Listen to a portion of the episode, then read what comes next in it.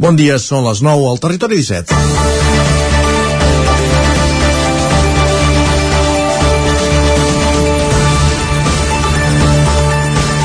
El preu de l'energia, les sentències contra el català, la precarietat laboral, les no respostes sobre els vincles de l'imam de Ripoll amb el CNI, la repressió al moviment independentista...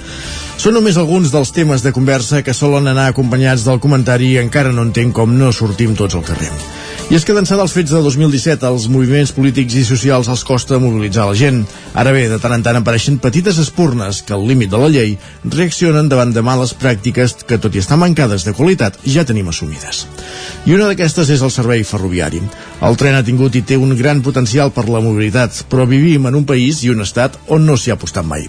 Sempre faig la mateixa pregunta. Al llarg de la meva vida, quants metres de via he vist construir? I més enllà del TGV, al qual s'hi han abocat recursos que ben administrats administrats haurien contribuït a millorar la vida de molts ciutadans, segurament també en millors infraestructures i serveis, segurament n'hem vist ben pocs.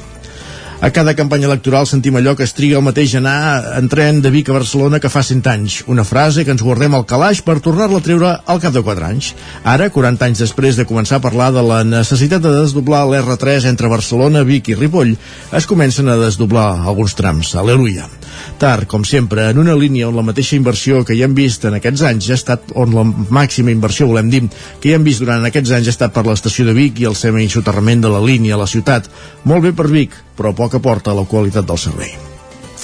Per això, que apareguin moviments de joves com el col·lectiu Batec que es nega a pagar el bitllet davant el mal servei de Renfe amb retards diaris, excuses de mal pagador per no tornar, l'import del bitllet, suspensió de tren sense avisar, convois curts i sovint incòmodes, etc etc etc, fa veure que continua havent-hi crítica i voluntat de protesta davant del sistema. Per allunyat que ens assembli el mètode, és una manera de fer taca d'oli per canviar coses que semblen assimilades però que disten molt del que hauria de ser un servei de qualitat. És dimecres, 11 de maig de 2022. Comença el Territori 17 a la sintonia de Ràdio Cardedeu, la veu de Sant Joan, Ona Codinenca, Ràdio Vic, el 9 FM i el 9 TV. Territori 17, amb Isaac Moreno i Jordi Sunyer.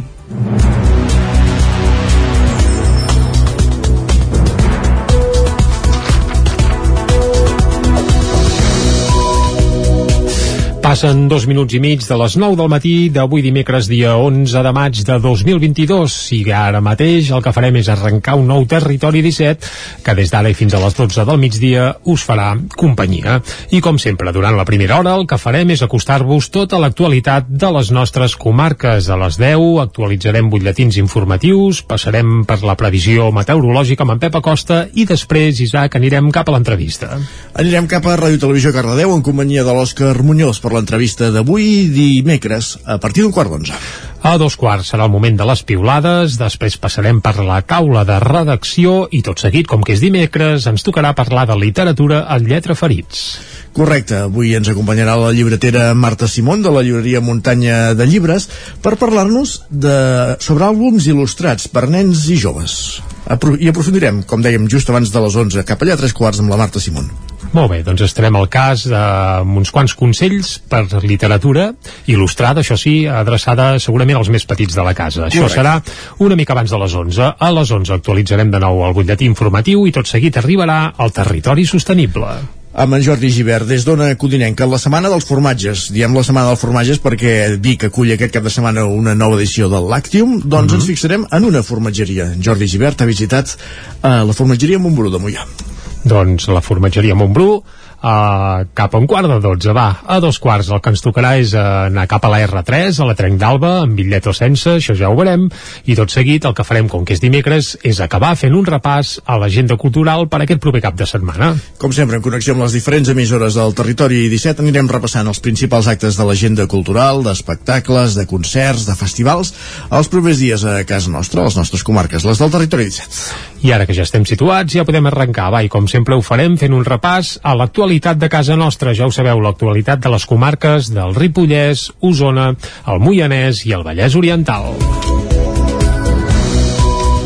Per explicar-vos aquesta hora que impulsen una vaga de pagaments a Renfe per exigir millores al servei. La vaga comença avui i la promou el col·lectiu Batec, que pretén denunciar d'aquesta manera la manca d'inversions de l'Estat. El col·lectiu Batec, format per persones de diferents lluites, espais i moviments polítics, ha impulsat una vaga de pagaments a Renfe que ha començat avui dimecres per exigir millores al servei de Rodalies a tot Catalunya.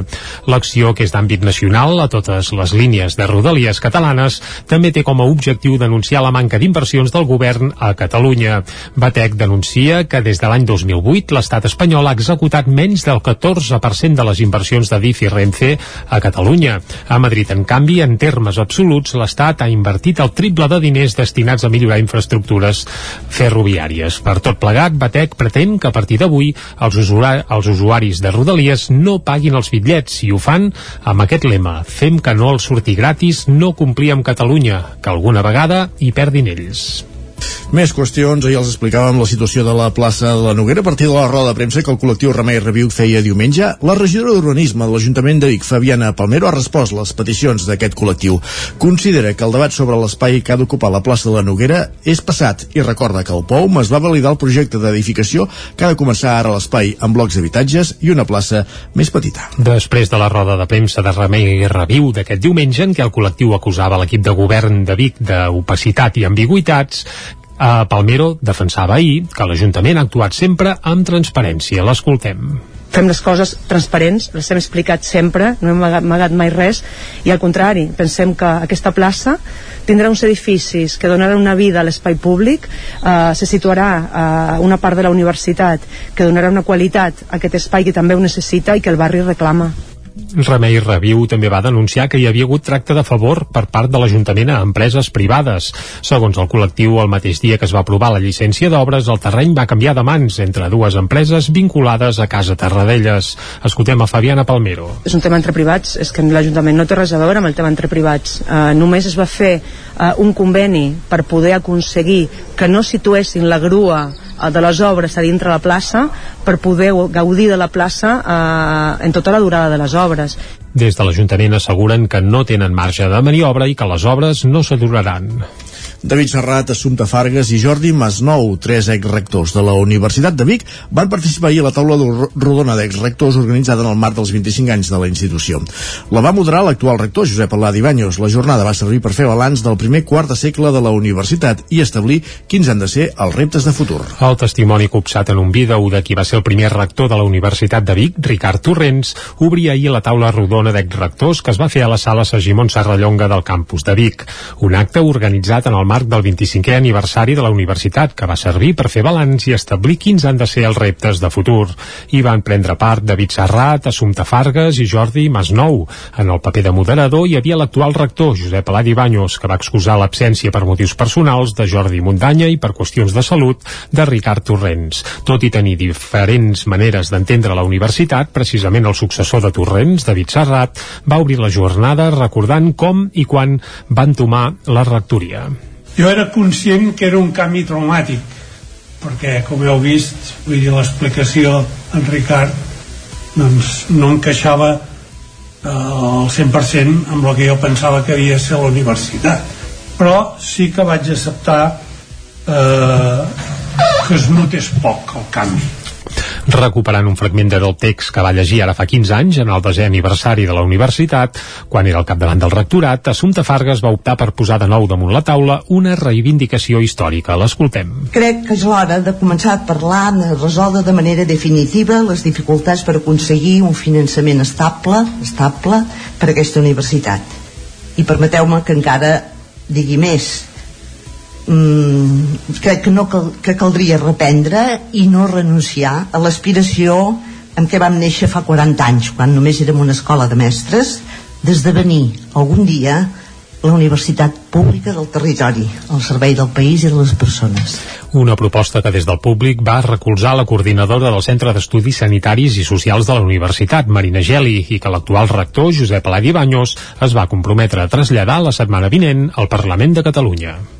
Gràcies, Jordi. De Vic cap a Sant Joan de les Abadesses, perquè els jardins de la Torre de la Puda. Ja estan oberts al públic des de diumenge. Anem cap al Ripollès, com dèiem, Isaac Muntades, la veu de Sant Joan. Diumenge es va fer l'acte d'inauguració dels jardins de la Torre de la Puda de Sant Joan de les Abadeses, que l'Ajuntament va comprar l'any 2012 i des de llavors ha treballat per obrir-los al públic. Aquests jardins es van construir l'any 1954 i eren propietat de Carmel Casanovas, que va encarregar-ne el disseny a l'arquitecte Joan Mirambell. El jardiner Andreu Peralta n'explica alguna de les característiques principals. Són uns jardins on trobem les arquitectures preferides d'en Joan Mirambell, com són la pèrgola i l'emparrat, la bassa, una peça d'aigua. Després hi ha una pista esportiva que ell normalment sempre en feia una pista de tennis, potser perquè aquells anys començava a introduir-se. I també trobem les escales i les terrasses per aterrassar tot, tot el jardí, que en aquest cas fa pendent. I, evidentment, tota la vegetació, que és una vegetació típica de Mirambell. Les sequoies i tot aquest arbrat típic també d'aquesta zona. L'alcalde Ramon Roquer va destacar les dimensions de l'espai i l'estil noucentista que desprenen, a més de qualificar-los com un lloc perfecte per passejar-hi i seguir l'itinerari per a recórrer la muralla, la passera i la font d'en Roca. Els jardins, que estan catalogats a l'inventari del Patrimoni Arquitectònic de Catalunya, s'hi han hagut de fer moltes actuacions. Per poder obrir al públic els jardins van fer falta actuacions sobretot de consolidació. Tenim aquests camins empedrats, amb el pas dels anys havia anat deformant, es havia anat deteriorant, sobretot vam haver de refer tots aquests camins, vam incorporar l'allumenat públic en tot l'espai, també sobretot vam haver d'incorporar molts elements de seguretat, baranes i sobretot consolidació de, del jardí. Es va fer també una neteja d'arbust i d'arbrat, algun d'ell doncs, o no tan eh, diguem imprescindible o necessari. Diumenge els nens de l'Institut Escola Mestre Andreu van fer la visita guiada titulada Arbres arrelats en què portaven els ciutadans fins als jardins, tot explicant les històries i anècdotes dels arbres de la zona. El biòleg Xavier López va subratllar la importància de l'arbrat a Sant Joan. Potser Sant Joan el que té seria a l'arbrat del cas Corbà. És a dir, per tradició, per la festa de l'arbre, heu de pensar que Sant Joan de les Badeses es va celebrar la primera festa de l'arbre de tota Europa. És a dir, aquest any fent 124 anys que celebra la festa de l'arbre Sant Joan. I aquesta tradició ha fet que tinguéssim un patrimoni arbori magnífic. Només en places i carrers públics de Sant Joan, no conto finques particulars ni jardins particulars,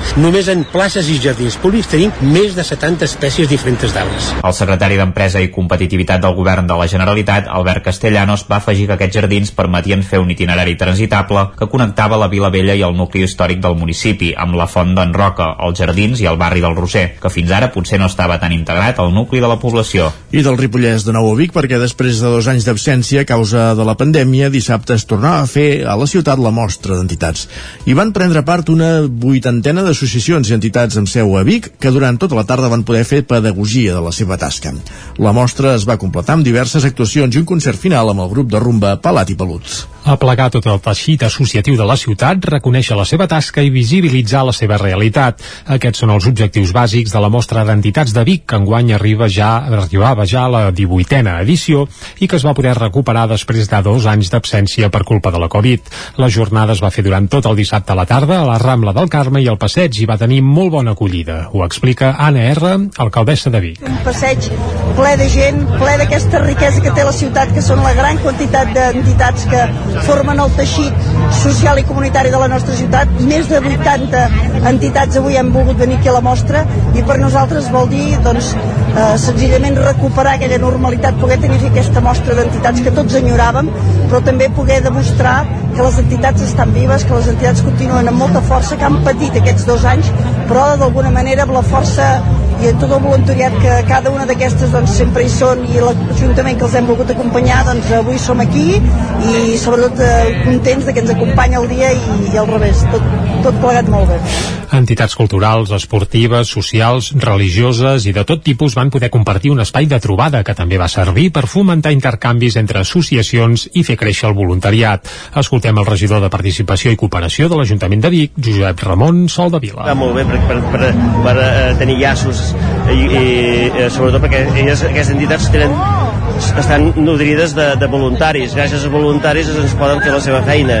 Llavors aquests voluntaris eh, es, eh, es coneixen entre uns i els altres i poden treballar molt més, eh, molt més amunt, poden fer moltes més coses. Durant tota la tarda, moltes entitats van fer exhibicions de la seva activitat i també hi va haver actuacions musicals a l'escenari del passeig.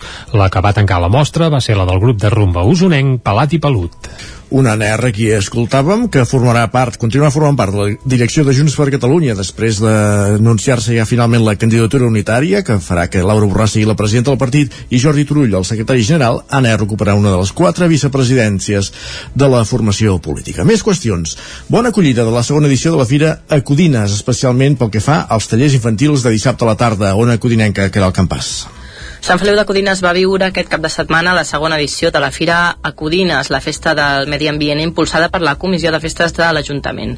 Les activitats es van obrir dissabte al matí amb una cercavila a càrrec de la companyia La Residual, on els residus amb un segon ús van ser els protagonistes. També al matí els més petits van poder participar d'un taller per fer la seva pròpia pasta de dents.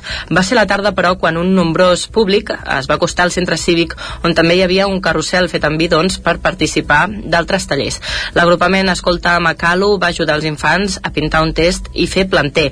També van poder fer les seves pròpies crispetes generant energia tot pedalant unes bicicletes. Manel Vila és el president de la Comissió de Festes de l'Ajuntament.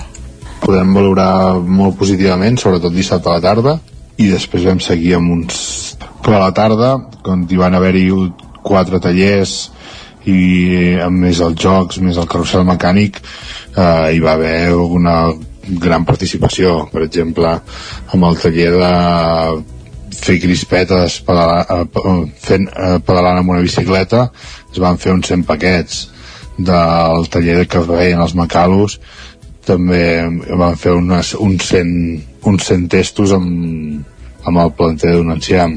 El gruix d'activitats va ser dissabte, però la iniciativa es va clausurar diumenge amb una nova edició de Let's Clean Up Europe, la campanya de neteja de residus a l'entorn natural que es va fer conjuntament amb el Centre Excursionista de Sant Feliu de Codines. I a Cardedeu, nova edició dels vermuts literaris, aquesta vegada amb Distòcia, la primera novel·la de la veterinària Pilar Codony, que es van portar el Premi Documenta 2021. Ràdio Televisió Cardedeu, Núria de Lázaro. Aquesta sisena edició dels vermuts literaris va començar el 9 d'abril amb l'Eva Baltasar i aquest mes de maig ho han fet amb la Pilar Codony, veterinària d'animals de granja del Pla de l'Estany, que presentava els vermuts literaris d'Històcia, una novel·la ambientada en una granja de vaques i ovelles, on l'autora descriu el món rural. Pilar Codony, escriptora de Distòcia. Vol ser un llibre d'animals, aquest llibre però també trobaran la història d'una dona que, que es queda embarassada i que ha de decidir una miqueta que fer, cap on encaminar la seva vida, no? I per fer-ho clar, una de les gràcies del llibre és aquestes, no? que, que s'emmirallen la natura, s'emmirallen els animals, es compara molt amb ells i des d'aquest punt, diguéssim, ella parla i s'explora i reflexiona sobre ella mateixa. L'autora es va endur el Premi Documenta 2021 amb aquesta primera novel·la, que ara presentava els vermuts literaris amb la periodista Clara Martínez Clavell i la llibreria Compàs. El 28 de maig tornaran els vermuts amb la Caterina Pérez i el seu llibre Roderals. Gràcies, Núria, i amb aquesta informació que amb aquest repàs informatiu que començàvem a les 9 al matí en companyia de Núria Lázaro, Caral Campàs, Isaac Muntades i Jordi Sunyer. Moment tot seguit de salut en Pep Acosta. La qual cosa vol dir que és moment de parlar del temps.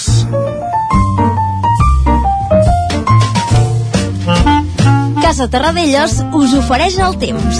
I en Pep ens alertarà que estem rebent una onada de calor, però per sort no som ni al juliol ni a l'agost, perquè si no podria ser terrible, però ens ho explica ell mateix. Va, Pep, bon dia.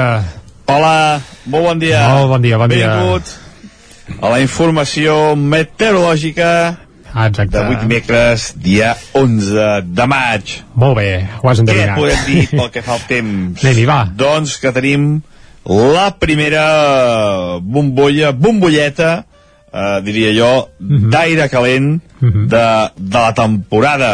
Eh, bueno, de, de, de, la primavera. Eh, és una situació que si estiguéssim ara al juliol o agost eh, tindríem temperatures superiors als 40 graus i de, i de sobres Home, cap a les zones més càlides del nostre país. Però que com que per sort encara estem al maig Sort, les temperatures eh, sobrepassen ja els 30 graus però clar, encara no, no estem a, l'època més calorosa de l'any i no es poden acostar a aquests 40 graus. Però Déu-n'hi-do, eh, déu nhi eh? tenim uns eh, vents del sud vents que branquen de... vents que, que, que venen del mateix desert del Sàhara. Un important important eh, amb important força. Uh, Déu-n'hi-do, déu nhi déu quina, quina bombolla d'aire calent, que més està entrant uh, per Europa, és una llengua càlida que s'està aproximant fins a Alemanya, eh? ahir temperatures de més de 25 graus a moltes zones de França, d'Alemanya, de Suïssa, una, per tant és una potent, potent entrada d'aire d'aire càlida que arrenca del continent africà i que ens afecta de, de ple, de ple a les nostres comarques. Uh, com que tampoc estem a l'època encara més càlida de l'any, les nits encara són una mica fresques. Les nits, la majoria mínimes entre els 10 i els 15 graus, però són nits ja que van pujar la temperatura, cada cop més càlides. Um, també ajuda el fet que no, no hi ha núvols. Com que no hi ha núvols, la temperatura mínima pot baixar, pot baixar uh, una mica més. Uh, com deia, eh, moltes entre 10 i 15 graus de mínima. Aquesta nit també d'entre 10 i 15 graus. Cel serè i uh, les nuvolades que creixen a partir del migdia. Ahir van créixer, avui es torna a repetir la mateixa situació, creixeran nuvolades i fins i tot poden deixar alguna petita gotellada cap a la zona del Pirineu. Ahir entre mig litre, un litre cap a de Ter eh, molt, molt poca cosa.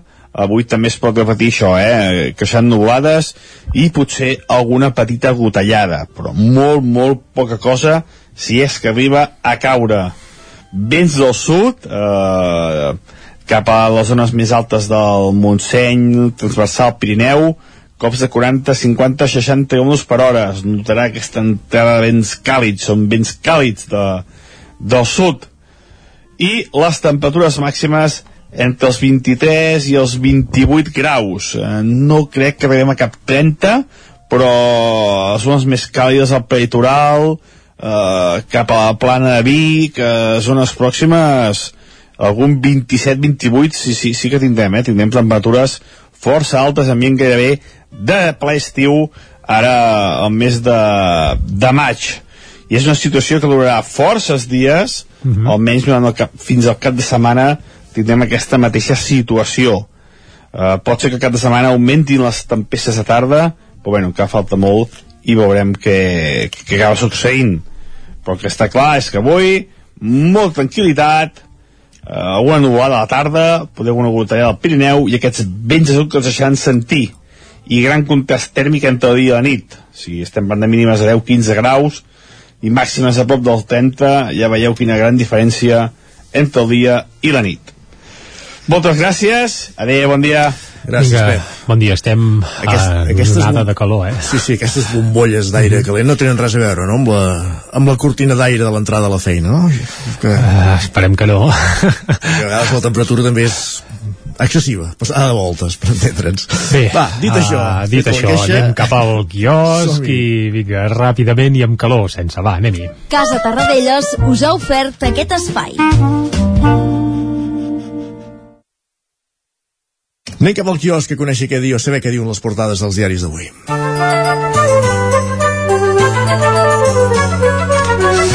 I ho farem com sempre, començant pel punt avui, que titula Fan curt. I dius, a què fa referència aquest fa curt? El Barça, que només... Rita, Clar, no, evidentment, Rita no. no. no és el 3 a 1 del Barça ahir contra el Celta, uh, sinó uh, Sánchez pretén tancar l'afer Pegasus, destituint la directora del CNI i mantenint la ministra Robles. Evidentment, el punt avui vol que la ministra també salti, només faltaria. L'independentisme i Podem exigeixen més dimissions i la desclassificació de documents. Això és el titular principal del punt avui, on també apareix crides a la mobilització contra el 25% de castellà i Borràs i Turull compartiran la direcció de Junts, un acord que, al qual van arribar ahir a última hora, on, com bé deies, Isaac, en aquesta nova eh, junta que ha d'encapçalar Junts per Catalunya també hi ha l'alcaldessa de Vic, Anna R. Entre d'altres, també Miriam Nogueres de Cardedeu, ara mateix al Congrés, crec que també hi apareix, i algun altre, algun altre nom, potser la Míriam no, forma part exacta del Consell, etc etc. Bé, deixem el tema junts, anem cap a l'ara. Uh, titular principal, Sánchez força Robles a cessar la directora del CNI la fotografia principal per això no és per Sánchez ni per Robles, sinó per Jordi Turull i per eh, Laura Borràs, que diuen junts el 50% i ells dos eh, la fotografia. També el nou govern, eh, el nou recurs del govern no servirà per aturar el 25% a les aules. Això ja s'apunta a la portada de l'Ara, on també s'hi veu el rei, però no el rei Borbó, sinó el rei del Regne Unit, en Carles, diu, el príncep Carles actua eh, en posat de rei sense Elisabet II, que no havia fallat mai des del 1963, i és que el discurs de la reina per primer cop es va fer sense la reina, ahir en aquest cas a la cambra britànica. Més uh, titulars. A l'avantguàrdia, Sánchez fulmina la cap del CNI per apaivagar Esquerra, aquest és el titular principal, però la fotografia també s'hi veu el príncep Carles, que més que de príncep ja fa de rei, i diuen el príncep Carles s'estrena al Parlament. Ser mare es veu que estava una mica malalta, va agafar la Covid fa un parell de mesos i no s'ha acabat de, de recuperar. També en surt d'Araujo en la victòria contra el Celta 3 a 1. Es veu que Araujo se'l van haver d'endur amb ambulància, va entrar una ambulància al mig del camp i tot, perquè va rebre un cop de cap precisament de Gavi, un company seu, al lluitar per una pilota, i va haver de ser això, evacuat amb, amb ambulància eh, que va entrar precisament a dins, a dins del camp. També Borràs i Turull esquiven la fractura repartint-se el poder a Junts. A la portada de l'avantguàrdia i anem cap al periòdico, el govern govern deixa caure la cap del CNI després d'un pols intern. Sánchez destitueix Paz Esteban pels atacs amb Pegasus al seu mòbil i els de Robles i Marlaska. Per tant, no la destitueixen pels, per les espiades als independentistes, sinó perquè se'ls va colar Pegasus al seu mòbil, ras i curt. I també a la fotografia Rei per un dia, i evidentment fan referència al príncep Carles, que va actuar eh, de rei en un acte ahir al, al Parlament britànic i en un raconet també Turull i Borràs pacten un repartiment de poders equitatiu a Junts. I en un minutet farem un repàs a les portades que s'imprimeixen des de Madrid. Comencem pel país. Sánchez destitueix la cap del CNI per tancar la crisi. La fotografia també, per cert, és pel príncep Carles. A la Razón. Feijó passa a l'acció davant la mentida del govern i la paraula mentida la posen entre cometes i diuen que demanarà explicacions al Congrés per la resolució de la crisi del cas Pagà Pegasus. Segons ells, la crisi ja s'ha acabat amb la dimissió, bé, no, el cessament de la cap del, del CNI. I també el príncep Carles, que assumeix les funcions de la seva mare per primera vegada. Això també a la portada de La Razón. A l'ABC, Robles entrega la directora del CNI per salvar Sánchez. Aquest és el titular principal que apareix a l'ABC. I acabem fent un cop d'ull al Mundo, que diu Robles serveix a Sánchez i Esquerra Republicana al cap de la directora del CNI i un altre titular divertit. El govern va saber que, que s'espiava Aragonès per coordinar els CDRs. Bufa. Sí. El nou FM, la ràdio de casa, al 92.8. Aquest mes de maig viu la cultura i la literatura a Folgueroles, al poble natal de Verdaguer. Del 13 de maig al 12 de juny, la Festa Verdaguer et porta conferències, rutes literàries, xerrades, concerts i actes populars d'homenatge al poeta. No et perdis Arnau Tordera amb el juglar a l'església de Folgueroles, la primera mostra de glosa o el tradicional arbre de maig i els ballets i danses tradicionals. Consulta tots els actes a verdaguer.cat. El racó de León ja és primavera. Gaudeix de la nostra terrassa. Vine a tastar les xuletilles de lechal a la brasa amb una bona amanida o el xuletón de vedella gallega. No et pots perdre el nostre lechado de Castilla al forn o el cochinillo a l'estil de Segovia. Tot acompanyat del millor celler, al menjador o fora la terrassa. Descobreix la millor cuina de lleó sense moure't de casa. Vine amb la família, els amics, la parella o sol. T'encantarà. El racó de León, cuina tradicional lleonesa i de mercat. Som al carrer Torelló número 35 de Vic. Per reserves, telèfon 93 889 1950. El racó de León, una cuina diferent. Coberta serveis funeraris. Els nostres tanatoris estan ubicats en els nuclis urbans més poblats de la comarca d'Osona per oferir un millor servei. Tanatori de Vic, Tanatori de Manlleu, Tanatori de Centelles i Tanatori de Roda de Ter. Sabem que són moments difícils i per això el nostre compromís és atendre-us en tot moment amb un tracte humà, sensible i respectuós. Cobertes serveis funeraris. Telèfon 24 hores 93 883 23 46. Si tens pensat canviar la caldera o posar aire condicionat, posa't en mans a Pradell. Tenen les millors ofertes. Pradell instal·la calderes de biomassa, calderes de condensació, aire condicionat tant per a particulars com per a empreses. Apunta, Pradell, Avinguda Països Catalans, número 27 de Vic. Telèfon 93 885 11 97. Repetim, 93 885 11 97. Cocodril Club. Si t'agrada la bona música dels anys 60, 70 i 80, escolta el 9 FM els matins de dissabtes i diumenges d'11 a 1. És el temps del Cocodril Club, tot un clàssic de la ràdio, amb les bases del pop-rock, les llegendes, les cançons que s'han convertit en autèntics himnes. Recorda, dissabtes i diumenges al matí, d'11 a 1, al 9 FM 92.8. Cocodril Club, el programa revival de l'Albert Malla. Hasta luego. El nou FM, el nou FM, el nou FM, el nou FM, el nou FM. A punt, dos quarts d'onze al territori 17. Territori 17, amb Isaac Moreno i Jordi Sunyer.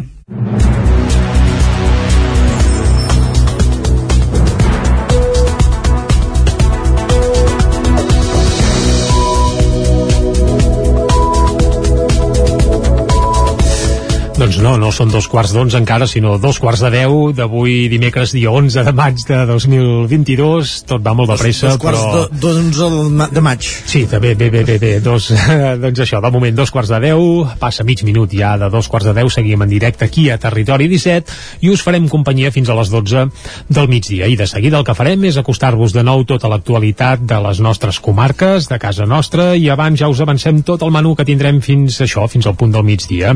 Una mica abans de les 10 hi posarem música. Avui escoltarem una de les veus que aquest cap de setmana seran a l'Encanta de Roda, aquest festival de cançó d'autor del qual parlàvem ahir a l'entrevista. Mhm. Doncs avui escoltarem eh, la veu que s'encarregarà d'inaugurar precisament el certamen. Molt I és bé. amb una cançó espectacular, amb un arranjament també brutal. No diem res més, va. A les 10, més informació i tot seguit a l'entrevista anirem cap a Cardedeu, oi? Exacte, parlem de la Fira de Sant Isidre, que com a 15 de maig, que deu ser un dia d'aquests, se celebra aquest cap de setmana amb en Valentí Roger, un dels seus organitzadors. Doncs vinga, tots els detalls de la Fira de Sant Isidre a l'entrevista d'avui a Territori 17. A dos quarts d'onze serà el moment de les piulades, també hi posarem una mica d'humor, si podem, repassarem les portades del 99.cat, anirem a la taula de redacció i després ens tocarà parlar de literatura. Amb la Marta Simón, llibretera de muntanya de llibres, avui per parlar dels àlbums il·lustrats, una nova tendència entre literatura infantil i, i juvenil, de la qual ens parlarà avui, com dèiem, la Marta Simón. Doncs vinga, ens farà unes quantes recomanacions, segurament de llibres adreçats als més menuts i, amb, bé, i ben il·lustrats i ben dibuixats, clar que sí que sempre fa falta. Va, a les 11 amb més informació i després ens tocarà parlar amb en Jordi Givert. Des d'Ona Codinenca, cada setmana al territori sostenible i avui parlant de formatges, coincidint amb la setmana del Lactium, que se celebra a Vic aquest cap de setmana, i parlarem amb una formatgeria prou arrelada al territori, el Moianès en aquest cas, com és la formatgeria Montbrú. Doncs vinga, això serà cap a un quart eh, de 12. A dos quarts arribarà el moment de la Trenc d'Alba a la R3, amb bitllet o sense avui, que recordem que ha començat la vaga, entre cometes, de pagaments eh, impulsada a Rodalies per un col·lectiu que es diuen Batec. I després, avui, com que som dimecres, com ho acabarem, això, Isaac? Amb l'agenda, farem la roda cultural per les diferents emissores del territori 17 per conèixer els actes més destacats de les agendes culturals de casa nostra. Un cap de setmana on recordem-ho, eh? Uh, hi ha Festival Encanta a Roda de Ter, acaba el Festival de Jazz de Vic, és a dir, que d'activitat cultural n'hi ha a dojo arreu del territori, tant que sí. Això ho farem, doncs, repassar l'agenda a la part final d'un programa que ara segueix acostant-vos, com fem sempre, l'actualitat de les nostres comarques. Ja ho sabeu, l'actualitat de les comarques del Ripollès, Osona, el Moianès i el Vallès Oriental. Per explicar-vos aquesta hora que impulsen una vaga de pagaments a Renfe per exigir millores al servei. La vaga comença avui i la promou el col·lectiu Batec, que pretén denunciar d'aquesta manera la manca d'inversions de l'Estat. El col·lectiu Batec, format per persones de diferents lluites, espais i moviments polítics, ha impulsat una vaga de pagaments a Renfe que ha començat avui dimecres per exigir millores al servei de Rodalies a tot Catalunya. L'acció, que és d'àmbit nacional a totes les línies de Rodalies catalanes, també té com a objectiu denunciar la manca d'inversions del govern a Catalunya. Catalunya. Batec denuncia que des de l'any 2008 l'estat espanyol ha executat menys del 14% de les inversions de DIF i Renfe a Catalunya. A Madrid, en canvi, en termes absoluts, l'Estat ha invertit el triple de diners destinats a millorar infraestructures ferroviàries. Per tot plegat, Batec pretén que a partir d'avui els, usuari els usuaris de Rodalies no paguin els bitllets i ho fan amb aquest lema Fem que no els surti gratis, no complir amb Catalunya, que alguna vegada hi perdin ells. Més qüestions, ahir els explicàvem la situació de la plaça de la Noguera a partir de la roda de premsa que el col·lectiu Remei Reviu feia diumenge. La regidora d'Urbanisme de l'Ajuntament de Vic, Fabiana Palmero, ha respost les peticions d'aquest col·lectiu. Considera que el debat sobre l'espai que ha d'ocupar la plaça de la Noguera és passat i recorda que el POUM es va validar el projecte d'edificació que ha de començar ara l'espai amb blocs d'habitatges i una plaça més petita. Després de la roda de premsa de Remei Reviu d'aquest diumenge en què el col·lectiu acusava l'equip de govern de Vic d'opacitat i ambigüitats, a Palmero defensava ahir que l'Ajuntament ha actuat sempre amb transparència. L'escoltem fem les coses transparents, les hem explicat sempre, no hem amagat, mai res, i al contrari, pensem que aquesta plaça tindrà uns edificis que donaran una vida a l'espai públic, eh, se situarà a una part de la universitat que donarà una qualitat a aquest espai que també ho necessita i que el barri reclama. Remei Reviu també va denunciar que hi havia hagut tracte de favor per part de l'Ajuntament a empreses privades. Segons el col·lectiu, el mateix dia que es va aprovar la llicència d'obres, el terreny va canviar de mans entre dues empreses vinculades a Casa Tarradellas. Escoltem a Fabiana Palmero. És un tema entre privats, és que l'Ajuntament no té res a veure amb el tema entre privats. Uh, només es va fer uh, un conveni per poder aconseguir que no situessin la grua de les obres a dintre la plaça per poder gaudir de la plaça eh, en tota la durada de les obres. Des de l'Ajuntament asseguren que no tenen marge de maniobra i que les obres no s'aturaran. David Serrat, Assumpta Fargas i Jordi Masnou, tres exrectors de la Universitat de Vic, van participar ahir a la taula rodona d'exrectors organitzada en el marc dels 25 anys de la institució. La va moderar l'actual rector, Josep Aladi Banyos. La jornada va servir per fer balanç del primer quart de segle de la universitat i establir quins han de ser els reptes de futur. El testimoni copsat en un vídeo de qui va ser el primer rector de la Universitat de Vic, Ricard Torrents, obria ahir la taula rodona rodona d'exrectors que es va fer a la sala Sagimon Serrallonga del campus de Vic, un acte organitzat en el marc del 25è aniversari de la universitat que va servir per fer balanç i establir quins han de ser els reptes de futur. Hi van prendre part David Serrat, Assumpta Fargas i Jordi Masnou. En el paper de moderador hi havia l'actual rector, Josep Aladi Banyos, que va excusar l'absència per motius personals de Jordi Muntanya i per qüestions de salut de Ricard Torrents. Tot i tenir diferents maneres d'entendre la universitat, precisament el successor de Torrents, David Serrat, Serrat va obrir la jornada recordant com i quan van tomar la rectoria. Jo era conscient que era un canvi traumàtic, perquè, com heu vist, vull dir, l'explicació en Ricard doncs, no encaixava eh, al 100% amb el que jo pensava que havia de ser la universitat.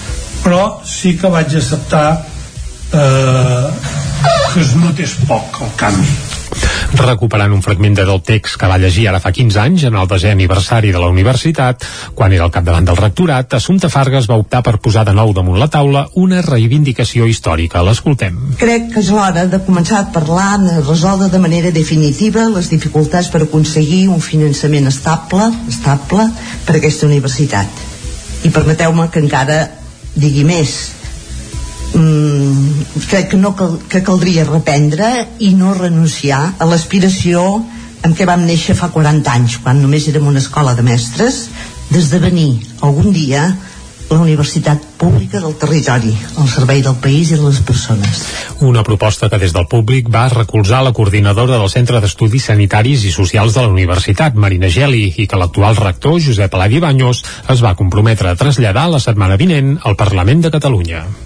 Gràcies, Jordi. De Vic cap a Sant Joan de les Abadesses, perquè els jardins de la Torre de la Puda ja estan oberts al públic des de diumenge. Anem cap al Ripollès, com dèiem, Isaac Muntades, la veu de Sant Joan. Diumenge es va fer l'acte d'inauguració dels jardins de la Torre de la Puda de Sant Joan de les Abadeses, que l'Ajuntament va comprar l'any 2012 i des de llavors ha treballat per obrir-los al públic. Aquests jardins es van construir l'any 1954 i eren propietat de Carmel Casanovas, que va encarregar-ne el disseny a l'arquitecte Joan Mirambell. El jardiner Andreu Peralta n'explica alguna de les característiques principals. Són uns jardins on trobem les arquitectures preferides d'en Joan Mirambell, Mirambell, com són la pèrgola i l'emparrat, la bassa, una peça d'aigua. Després hi ha una pista esportiva que ell normalment sempre em feia una pista de tennis, potser perquè aquells anys començava a introduir-se. I també trobem les escales i les terrasses per aterrassar tot, tot el jardí, que en aquest cas fa pendent. I, evidentment, tota la vegetació, que és una vegetació típica de Mirambell. Les sequoies i tot aquest arbrat típic també d'aquesta zona. L'alcalde Ramon Roquer va destacar les dimensions de l'espai i l'estil noucentista que desprenen, a més de qualificar-los com un lloc perfecte per passejar-hi i seguir l'itinerari per a recórrer la muralla, la passera i la font d'en Roca. Els jardins, que estan catalogats a l'inventari del Patrimoni Arquitectònic de Catalunya,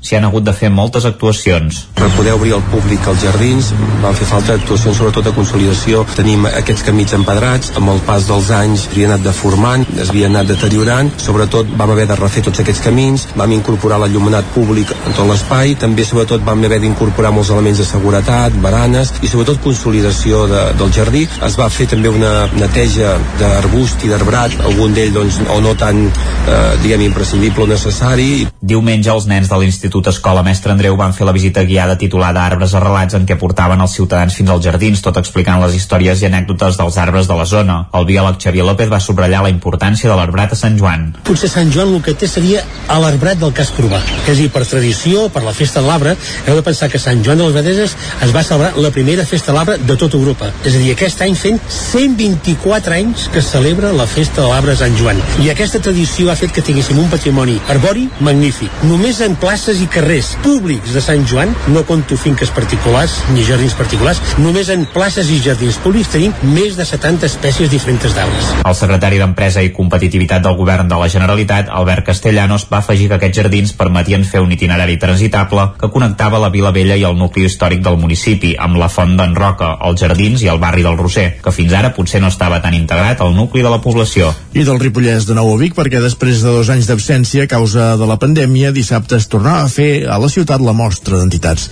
Hi van prendre part una vuitantena d'associacions i entitats amb seu a Vic, que durant tota la tarda van poder fer pedagogia de la seva tasca.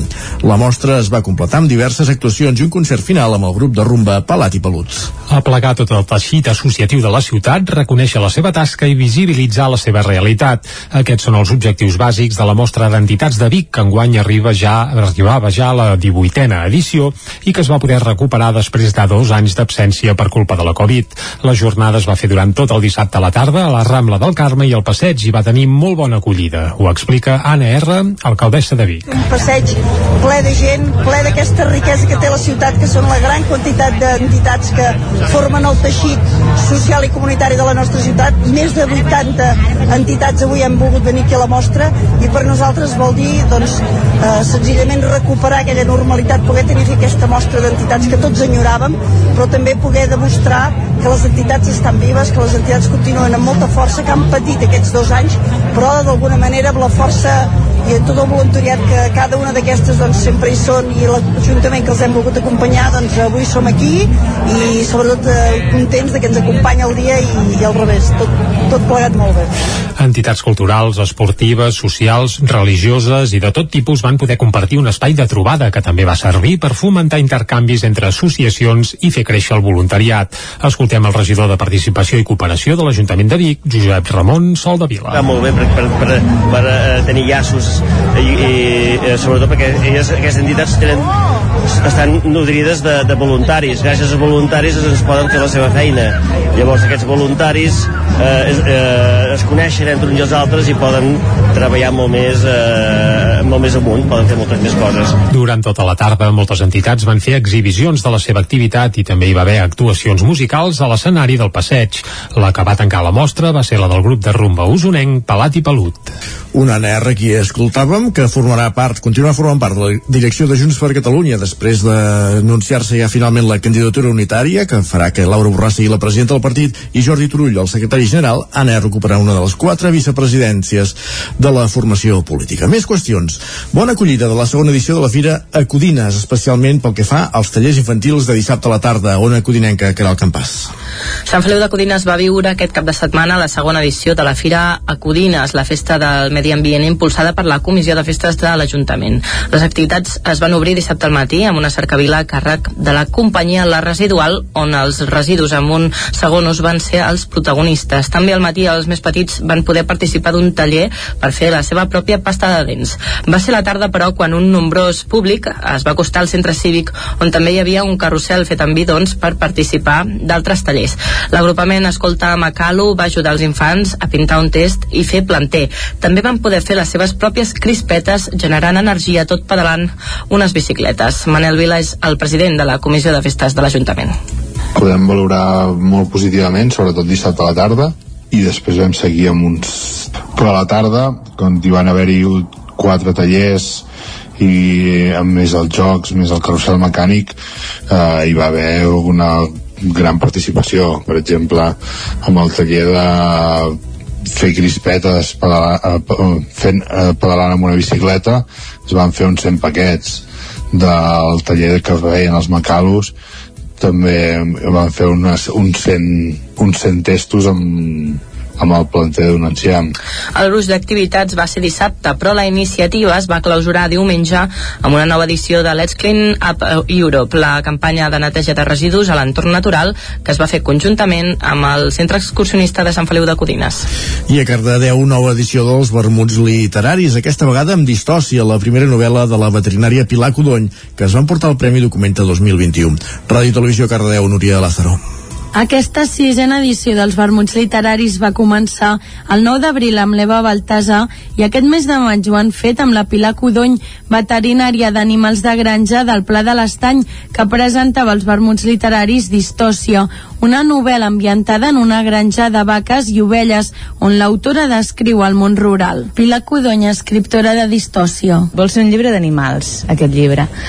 Però també trobaran la història d'una dona que, que es queda embarassada i que ha de decidir una miqueta què fer fer, cap on encaminar la seva vida, no? I per fer-ho clar, una de les gràcies del llibre és aquestes, no? que, que s'emmirallen la natura, s'emmirallen els animals, es compara molt amb ells i des d'aquest punt, diguéssim, ella parla i s'explora i reflexiona sobre ella mateixa. L'autora es va endur el Premi Documenta 2021 amb aquesta primera novel·la, que ara presentava els vermuts literaris amb la periodista Clara Martínez Clavell i la llibreria Compàs. El 28 de maig tornaran els vermuts amb la Caterina Pérez i el seu llibre Rodarals. Gràcies, Núria, i amb aquesta informació que amb aquest repàs informatiu que començàvem a les 9 al matí en companyia de Núria Lázaro, Caral Campàs, Isaac Muntades i Jordi Sunyer. Moment tot seguit de saludar en Pep Acosta. La qual cosa vol dir que és moment de parlar del temps.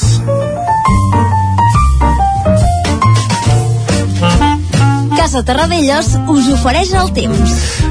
I en Pep ens alertarà que estem rebent una onada de calor, però per sort no som ni al juliol ni a l'agost, perquè si no podria ser terrible, però ens ho explica ell mateix. Va, Pep, bon dia. Hola, molt bon dia. Oh, bon dia, bon dia. Benvingut a la informació meteorològica ah, exacte. d'avui dimecres, dia 11 de maig. Molt bé, ho has endevinat. Què podem dir pel que fa al temps? Anem-hi, va. Doncs que tenim la primera bombolla, bombolleta, eh, diria jo, uh Mhm. -huh. d'aire calent uh -huh. de, de la temporada, eh, bueno, de, de, de la primavera.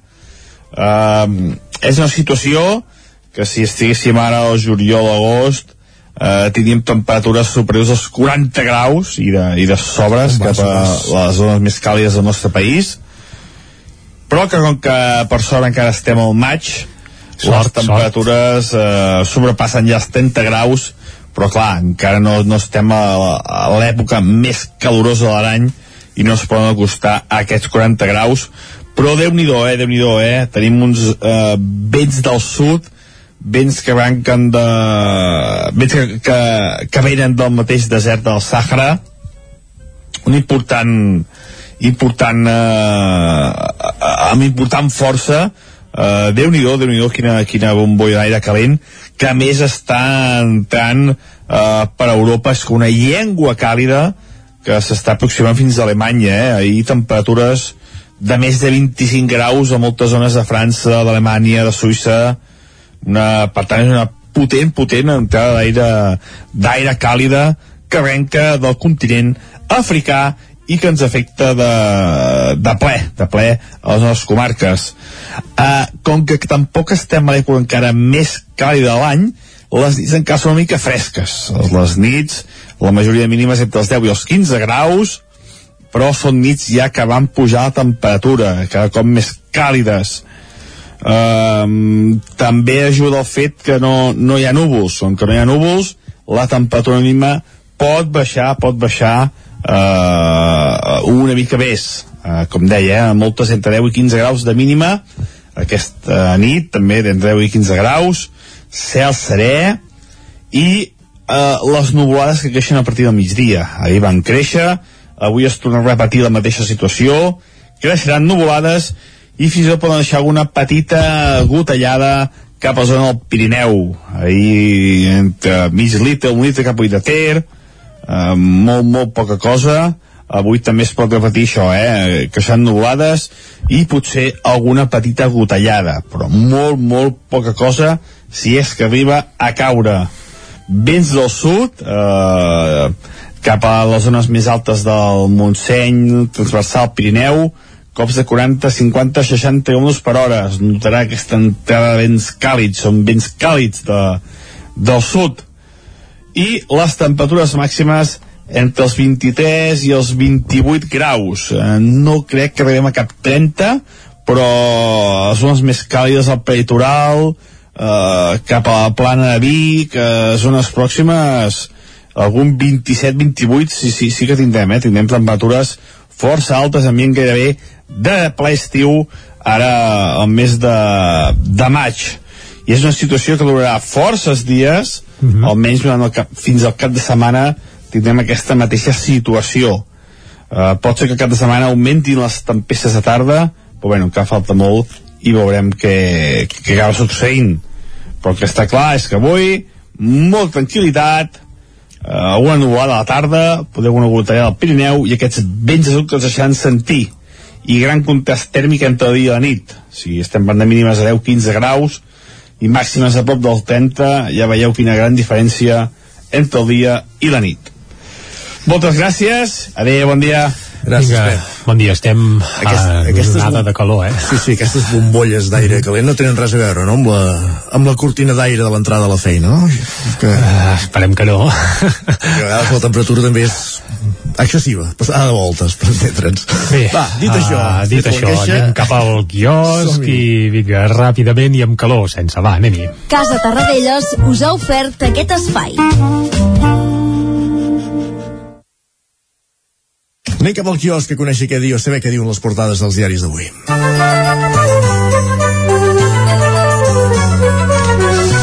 Ho farem com sempre, començant pel punt avui, que titula Fan curt. I dius, a què fa referència aquest fa curt? El Barça, que només... Rita, clar, no, evidentment, Rita no. no. no és el 3 a 1 del Barça ahir contra el Celta, uh, sinó uh, Sánchez pretén tancar l'afer Pegasus, destituint la directora del CNI i mantenint la ministra Robles. Evidentment, el punt avui vol que la ministra també salti, només faltaria. L'independentisme i Podem exigeixen més dimissions i la desclassificació de documents. Això és el titular principal del punt avui, on també apareix crides a la mobilització contra el 25% de castellà i Borràs i Turull compartiran la direcció de Junts, un acord que, al qual van arribar ahir a última hora, on, com bé deies, Isaac, en aquesta nova eh, junta que ha d'encapçalar Junts per Catalunya també hi ha l'alcaldessa de Vic, Anna R. Entre d'altres, també Miriam Nogueres, de Cardedeu, ara mateix al Congrés, crec que també hi apareix, i algun altre, algun altre nom, potser la Míriam no, forma part exacta del Consell, etc etc. Bé, deixem el tema Junts, anem cap a l'ara. Uh, titular principal, Sánchez força Robles a cessar la directora del CNI la fotografia principal per això no és per Sánchez ni per Robles, sinó per Jordi Turull i per eh, Laura Borràs, que diuen junts el 50% i ells dos eh, la fotografia. També el nou govern, eh, el nou recurs del govern no servirà per aturar el 25% a les aules. Això ja s'apunta a la portada de l'Ara, on també s'hi veu el rei, però no el rei Borbó, sinó el rei del Regne Unit, en Carles, diu, el príncep Carles actua eh, han posat de rei sense Elisabet II, que no havia fallat mai des del 1963, i és que el discurs de la reina per primer cop es va fer sense la reina, ahir en aquest cas a la cambra britànica. Més uh, titulars. A l'avantguàrdia, Sánchez fulmina la cap del CNI per apaivagar Esquerra, aquest és el titular principal, però a la fotografia també s'hi veu el príncep Carles, que més que de príncep ja fa de rei, i diuen el príncep Carles s'estrena al Parlament. Ser mare es veu que estava una mica malalta, va agafar la Covid fa un parell de mesos i no s'ha acabat de, de recuperar. També en surt d'Araujo en la victòria contra el Celta 3 a 1. Es veu que Araujo se'l van haver d'endur amb ambulància, van treure una ambulància al mig del camp i tot, perquè va rebre un cop de cap precisament de Gavi, un company seu, al lluitar per una pilota, i va haver de ser això, evacuat amb, amb ambulància eh, que va entrar precisament a dins, a dins del camp. També Borràs i Turull esquiven la fractura repartint-se el poder a Junts. A la portada de l'avantguàrdia i anem cap al periòdico, el govern deixa caure la cap del CNI després d'un pols intern. Sánchez destitueix Paz Esteban pels atacs amb Pegasus al seu mòbil i els de Robles i Marlaska. Per tant, no la destitueixen pels, per les espiades als independentistes, sinó perquè se'ls va colar Pegasus al seu mòbil. Ras i curt. I també a la fotografia Rei per un dia, i evidentment fan referència al príncep Carles, que va actuar eh, de rei en un acte ahir al, al Parlament britànic i en un raconet també Turull i Borràs pacten un repartiment de poders equitatiu a Junts. I en un minutet farem un repàs a les portades que s'imprimeixen des de Madrid. Comencem pel país. Sánchez destitueix la cap del CNI per tancar la crisi. La fotografia també, per cert, és pel príncep Carles. A la Razón, Feijó passa a l'acció davant la mentida del govern i la paraula mentida la posen entre cometes i diuen que demanarà explicacions al Congrés per la resolució de la crisi del cas Pegasus. Segons ells, la crisi ja s'ha acabat amb la dimissió, bé, no, el cessament de la cap del, del CNI. I també el príncep Carles, que assumeix les funcions de la seva mare per primera vegada. Això també a la portada de La Razón. A l'ABC, Robles entrega la directora del CNI per salvar Sánchez. Aquest és el titular principal que apareix a l'ABC. I acabem fent un cop d'ull al Mundo, que diu Robles serveix a Sánchez i Esquerra Republicana al cap de la directora del CNI. I un altre titular divertit. El govern va saber que, que s'espiava Aragonès per coordinar els CDRs. Oh, Isaac, això ho, ho hem d'explicar, eh? Sí, es sí, veu que el. CNI va avisar a l'executiu espanyol l'any 2019, que diu com sempre, i eh, els hi va dir, ei, estem escoltant el dirigent d'Esquerra, Pere Aragonès, aleshores, evidentment encara no era president, i li van explicar que ho estaven fent perquè es veu que Aragonès coordinava els CDRs. Tu. Se'n se diu portar-los molls, eh? Sí, però és que... Bàsicament ja van demostrar-ho amb les urnes, també. De fet, Uh, uh, i, I deixa'm acabar, és que al Mundo hi ha un altre titular divertidíssim, que, atenció, la República, mm, és a dir, el govern legítim que hi havia a l'estat espanyol, en teoria, fa uns quants anys, Abans de la guerra, per entendre's. Sí, va oferir les Illes Balears a Mussolini a canvi de la seva neutralitat. Uh, això és bé, no sé, ens quedem amb el titular, eh? no sabem d'on ho han tret, però eh, com que és sorprenent, doncs també ens en fem ressò. I Mare fins aquí Déu. les portades. Està bé la, la portades destitució del. CNI per uns és massa i per l'altres massa poc. Evidentment. Sí, sí, això ja passa sempre. Correcte. Ah. Posem-hi música, que sempre està més bé. Ara, ara, ara, ara. Posem-hi música i ja estem escoltant de, fe, de fons la veu de la Carola Ortiz, aquesta noia del Vallès, concretament de Terrassa, que serà l'encarregada d'obrir el festival L'Encanta aquest proper cap de setmana a Roda de Ter. El festival, diguem, que arrenca dijous, ho farà dos quarts de vuit del vespre, amb aquest concert de la Carola a la Casa Cultural 1 d'octubre.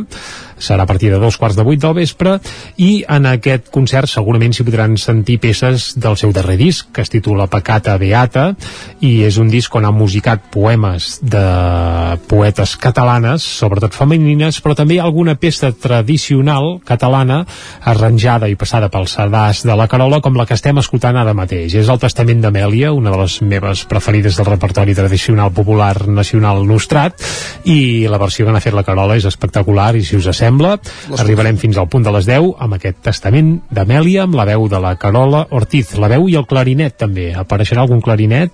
No També sé si ha aparegut, i també és ella. Doncs va, som-hi. Vinga. Aquí el tens. Oi, tal.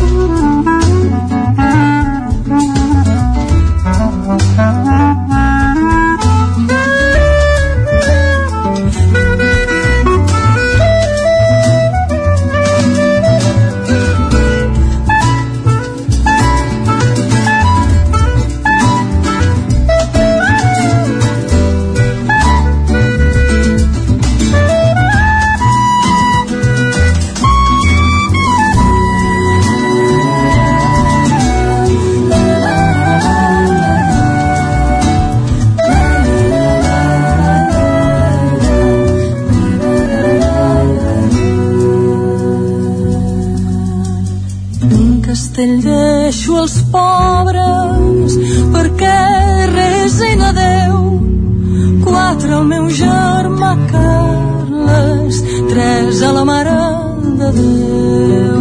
Ai, que el meu cor se'm nua com un pom de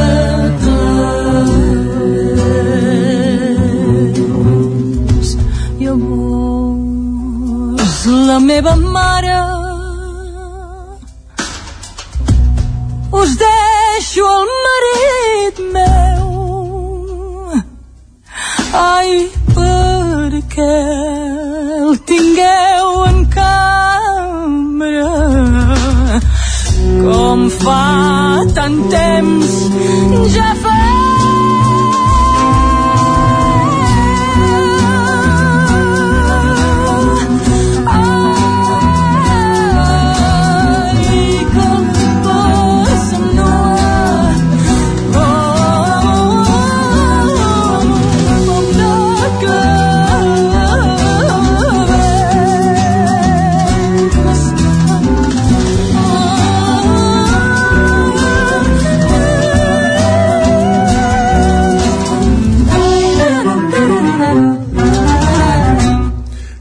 les 10 al Territori 17. Territori 17, amb Isaac Moreno i Jordi Sunyer.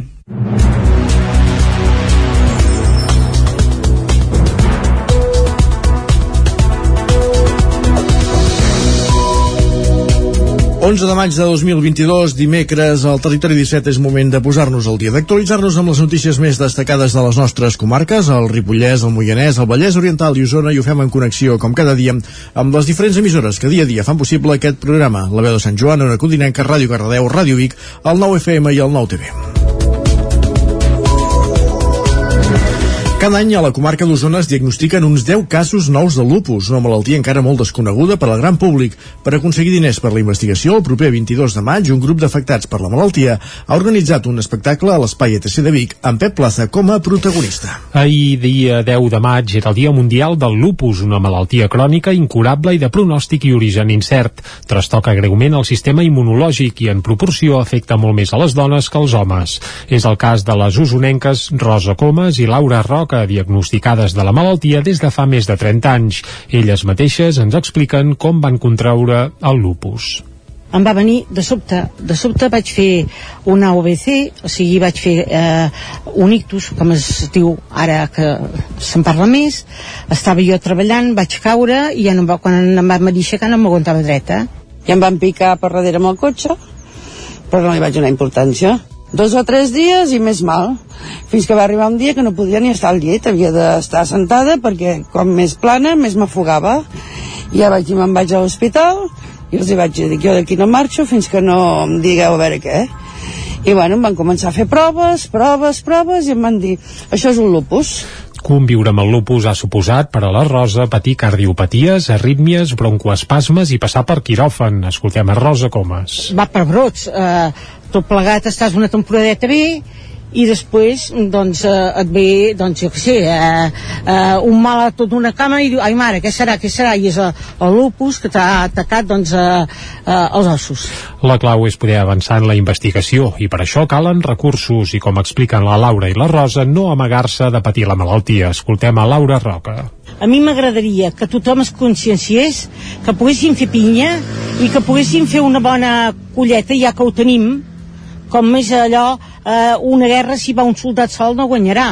I si n'hi anem mil o cent, sí A Osona es diagnostiquen cada any una desena de casos nous de lupus. Per fer pedagogia de la malaltia i recollir diners per a la investigació, el proper dia 22 de maig, l'humorista Pep Plaza farà un espectacle a l'espai ETC de Vic. Diversos ajuntaments usonencs han rebut el segell Info Participa a la qualitat i la transparència de la comunicació pública local. L'altra cosa és que llavors aquesta informació es pugui trobar i que la web sigui prou operativa. Mm -hmm. Aquest distintiu l'atorga la Universitat Autònoma de Barcelona des de fa 9 anys. Els guardons es van lliurar aquest dilluns i els van recollir, entre d'altres, Sant Julià de de Vilatorta, Gurt, Tona, Torelló, Sant Vicenç de Torelló, Centelles, Prats de Lluçanès o Tavernoles.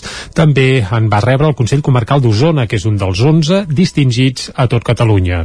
I Vic, que ha assolit el 100% de puntuació en els indicadors que es valoren i que és un dels 43 ajuntaments de Catalunya amb la totalitat dels indicadors positius. El mapa Infoparticipa, que funciona des de l'any 2012, analitza la informació que donen les webs municipals sobre els representants polítics, la gestió dels recursos i les eines que ofereixen de participació ciutadana. A Osona, 15 consistoris estan en el tram més alt de puntuació, per sobre del 75%. El segell Infoparticipa l'han rebut aquest any 136 ajuntaments catalans, el 14% del total. Més qüestions prohibiran el bany a tot un tram de la Riera de Marlès, al Lluçanès. L'objectiu és preservar una captació d'aigua que hi ha a la zona i evitar la massificació i, la, i els comportaments incívics. Prohibir el bany en el tram de la Riera de Marlès que va des de Sant Cristòfol fins al pont de les Eures. Aquesta és la mesura que tenen previst prendre de cara a l'estiu als municipis pels quals discorre aquesta part de la Riera, que té una longitud d'uns 6 quilòmetres. L'objectiu és evitar la massificació i els comportaments incívics i d'aquesta manera preservar també el punt de captació d'aigua que hi ha a la zona i a la vegada tot l'entorn natural. La captació precisament és la que abasteix els municipis que formen la Mancomunitat d'Aigües de Marlès i que són Oristà, Gaià, Prats de Lluçanès i Sant Feliu Sasserra, a més de Santa Maria de Marlès. La setmana passada es van reunir representants dels ajuntaments del tram en qüestió, que passa per Santa Maria de Marlès, Lluçà, La Quar i Sagàs, a més dels agents rurals i els Mossos d'Esquadra i va haver-hi consens per tal de tirar endavant la prohibició, que és competència dels municipis. La idea és que la mesura entri en vigència el 15 de juny i estigui operativa fins al 15 de setembre i que hi hagi diversos informadors sobre el terreny contractats a través de plans d'ocupació que indiquin què es pot fer i què no a la Riera, que per cert és un espai protegit. També es tornarà a comptar amb el servei de vigilància rural i es reforçarà la senyalització.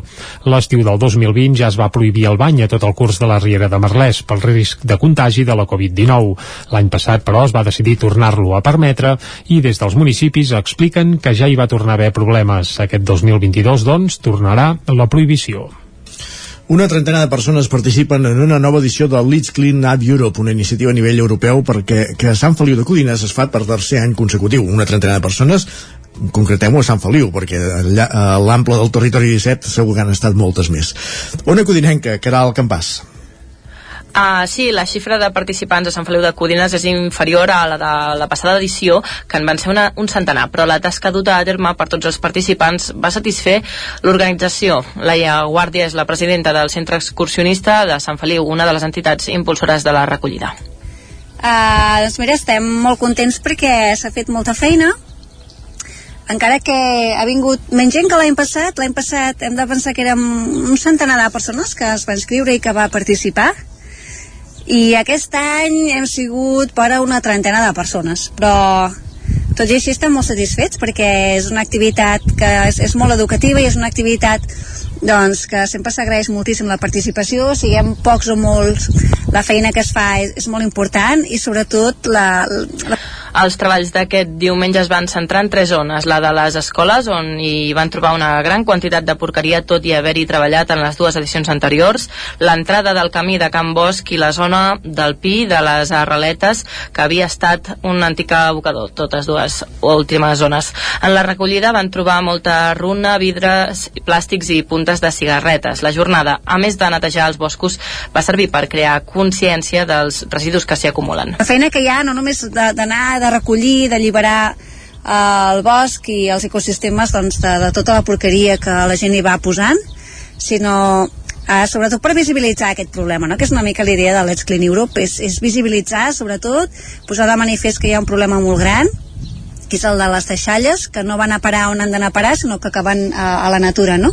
I van a parar al bosc, del bosc van a parar als rius, dels rius van a parar al mar, ja sabem que, per exemple, hi ha el cas dels plàstics que no, que no es degraden, sinó que es van fragmentant amb aquests microplàstics que després doncs, ens els trobem a tot arreu, no? I ens els acabem menjant, i es troben doncs, fins i tot els pulmons de les persones. A diferència d'edicions anteriors, no van trobar grans quantitats de voluminosos com banyeres, llits, matalassos o somiers, ja que van ser retirats i sortosament no van aparèixer de nou. Durant aquests dies s'estan calculant els quilos de residus que es van retirar i de quin tipus són. La jornada va estar coorganitzada pel Centre Excursionista i la Comissió de Festes amb la col·laboració de Codines Verdes i l'ADF al Pinyó. Gràcies, Caral. Més qüestions. Anem ara cap al Ripollès perquè Anna Coma i l'agrupació sardanista de Sant Joan són els premiats de la cinquena edició dels Guardons M de Barcelona.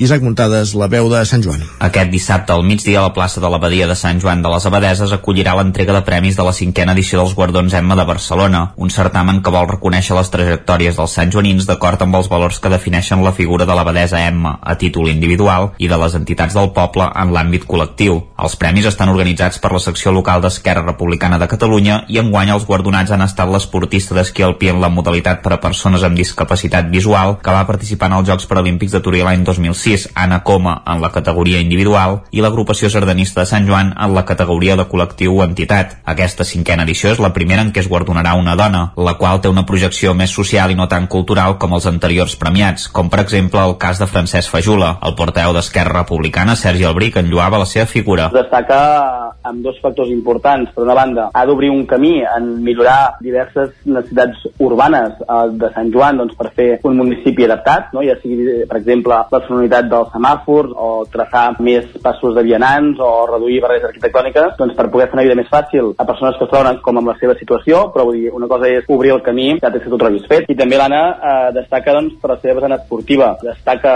en un moment de la seva vida per participar en campionats l'àmbit ciclista amb la, amb la modalitat tàndem, també en l'àmbit de l'esquí i a més a més guanya diversos campionats doncs, en l'àmbit ciclista i acaba participant en l'àmbit de l'esquí en uns Jocs Paralímpics. Per altra banda, l'agrupació sardanista de Sant Joan es va fundar l'any 1975 i enguany es compleix l'efemèride del 25è aniversari de la proclamació de Sant Joan com a ciutat pobilla de la Sardana l'any 1997. L'entitat és hereva d'una tradició sardanista que ja venia del segle XIX, així n'explicava les virtuts. Al final l'agrupació sardanista el que que fa és preservar la cultura catalana a l'entorn doncs, de la sardana, no? Són els responsables de preveure el conjunt de sardanes que es faran a Sant Joan al llarg d'un any en curs, les sardanes de la festa major, participar en els diversos de plec o en qualsevol agrupació de persones on també es ballin, es ballin sardanes i sobretot fomentar doncs, la coneixença de la sardana a través dels cursets que es van organitzant doncs, al llarg dels diversos anys i per tant que la sardana doncs, és sinònim de germanor, d'unió. Si dissabte el temps no acompanyés, l'acte es faria a la sala Abat de Villalba a l'interior del Palau de l'Abadia dia. A l'acte també hi assistirà l'exconsellera de Salut, Alba Vergés.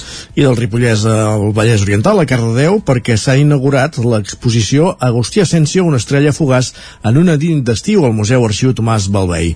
La mostra permetrà conèixer la figura d'aquest il·lustrador cardedeuenc, reconegut internacionalment. Núria Lázaro, Ràdio Televisió, Cardedeu. Agustí Asensio Saurí va néixer a Cardedeu l'any 1949. La seva carrera com a il·lustrador va començar ben d'hora. Només tenia 15 anys quan va col·laborar col·laborar a la pel·lícula de dibuixos animats El mago de los sueños i posteriorment es va especialitzar en llibres infantils i juvenils com El presoner del gegant o La nana Brunilda menja malsons. Ara, més de 50 anys després dels seus inicis, el Museu Arxiu Tomàs Balvei acull Agustí Asensio, una estrella fugaç en una nit d'estiu, una exposició que ens proposa un recorregut per la seva obra com a via per a conèixer més qui era aquest il·lustrador. Gisela Asensio, filla d'Agustí Asensio. Una persona que de ben petit ja volia doncs, fer aquesta feina i va assolir el seu somni d'alguna manera. Evidentment a base de molt esforç, de molta lluita, però va fer tot un recorregut professional que el va portar doncs, a assolir tot el que ell volia d'entrada assolir. Sí que és cert que es va quedar escapçada la seva trajectòria perquè va morir d'accident fortuit eh, quan tenia 45 anys, vull dir que realment aquí es va acabar doncs, la, la pel·lícula, però sí que com a mínim amb els anys que va poder treballar va poder assolir doncs, tots els seus pràcticament pràcticament tots els seus objectius. A l'exposició podrem trobar originals, contes publicats, objectes personals que mostren la trajectòria tant personal com artística de l'autodidacta il·lustrador cardedeuenc. Agustí Asensio va rebre nombrosos premis al llarg de la seva carrera, com la Serra d'Or en dues ocasions, el Premi del Ministeri de Cultura al millor disseny al 1985 o el Premi a la millor il·lustració de la Generalitat de Catalunya l'any 1988.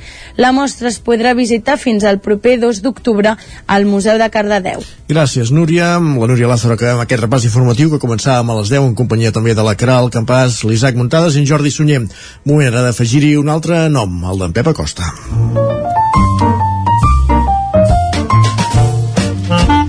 Casa Terradellos us ofereix el temps. Doncs va, saludem de nou en Pep Acosta perquè ens actualitzi eh, la informació meteorològica. Ja ens ha avançat a primera hora que estem en una, entre cometes, eh, onada de calor. Pep, molt bon dia. Hola, molt bon dia. Molt bona hora. Aquesta nit, també, d'entre 10 i 15 graus, cel serè, Mm -hmm. i eh, les nuvolades que creixen a partir del migdia. Ahir van créixer, I avui avui també. es torna a repetir la mateixa situació, creixeran nuvolades i fins i tot poden deixar alguna petita gotellada cap a la zona del Pirineu. Ahir entre mig litre, un litre cap a de Ter, eh, molt, molt poca cosa, avui també es pot repetir això, eh? creixant nuvolades i potser alguna petita gotellada, però molt, molt poca cosa si és que arriba a caure. Vents del sud, eh, cap a les zones més altes del Montseny, transversal Pirineu, cops de 40, 50, 60 km per hora. Es notarà aquesta entrada de vents càlids, són vents càlids de, del sud. I les temperatures màximes entre els 23 i els 28 graus. Eh, no crec que arribem a cap 30, però les zones més càlides al peritoral, eh, cap a la plana de Vic, eh, zones pròximes, algun 27-28, sí, sí, sí que tindrem, eh? tindrem temperatures força altes, ambient gairebé de ple estiu, ara al mes de, de maig. I és una situació que durarà forces dies, almenys durant el cap, fins al cap de setmana tindrem aquesta mateixa situació. Uh, pot ser que cap de setmana augmentin les tempestes de tarda, però bueno, encara falta molt i veurem què, què acaba succeint. Però el que està clar és que avui, molta tranquil·litat, uh, alguna nuvolada a la tarda, poder alguna gotellada al Pirineu i aquests vents de sud que els deixaran sentir. I gran contrast tèrmic entre el dia i la nit. Si estem parlant de mínimes a 10-15 graus i màximes a prop del 30, ja veieu quina gran diferència entre el dia i la nit. Moltes gràcies i ens escoltem demà. Adéu, bon dia. Vagi molt bé, Pep, eh, salut, adeu i bon dia, i veurem si demà encara continuem capbussats en aquesta espècie de bombolla de calor, però ja ens has alertat abans que afortunadament no estem als mesos de juliol i agost, perquè si no, eh, bé, estaríem amb 40 graus o, o més fins i tot al pic del dia. Per tant, déu nhi Però bé, en ple mes de maig és evident que encara una onada de calor d'aquestes fa que les temperatures no s'enfilin tant, que el dia encara és una mica més curt i les temperatures són unes altres. Bé, fet aquest apunt meteorològic, Isaac, Anem cap a la taula de redacció. Anem-hi, va. Doncs vinga. Casa Tarradellas us ha ofert aquest espai. Territori 17. Envia'ns les teves notes de veu per WhatsApp al 646 079 023. 646 079 023. WhatsApp Territori 17.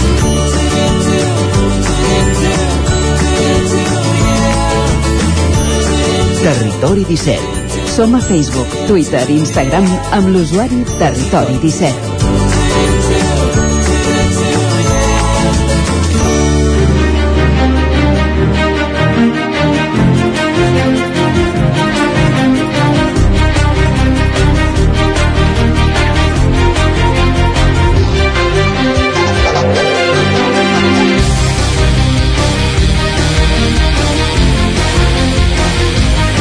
Dos minuts que passen d'un quart d'onze, girem la taula de redacció i l'entrevista. Després, d'aquí una estona, parlarem amb Valentí Roger de la Fira de Sant Isidre de, de Cardedeu. Serà a partir de, de dos quarts d'onze. Ara, però, com dèiem, ens endinsem als temes que teníem preparats per la taula de redacció en companyia de Guillem Freixa i Isaac Muntades. Guillem, bon dia, benvinguts. Molt bon dia.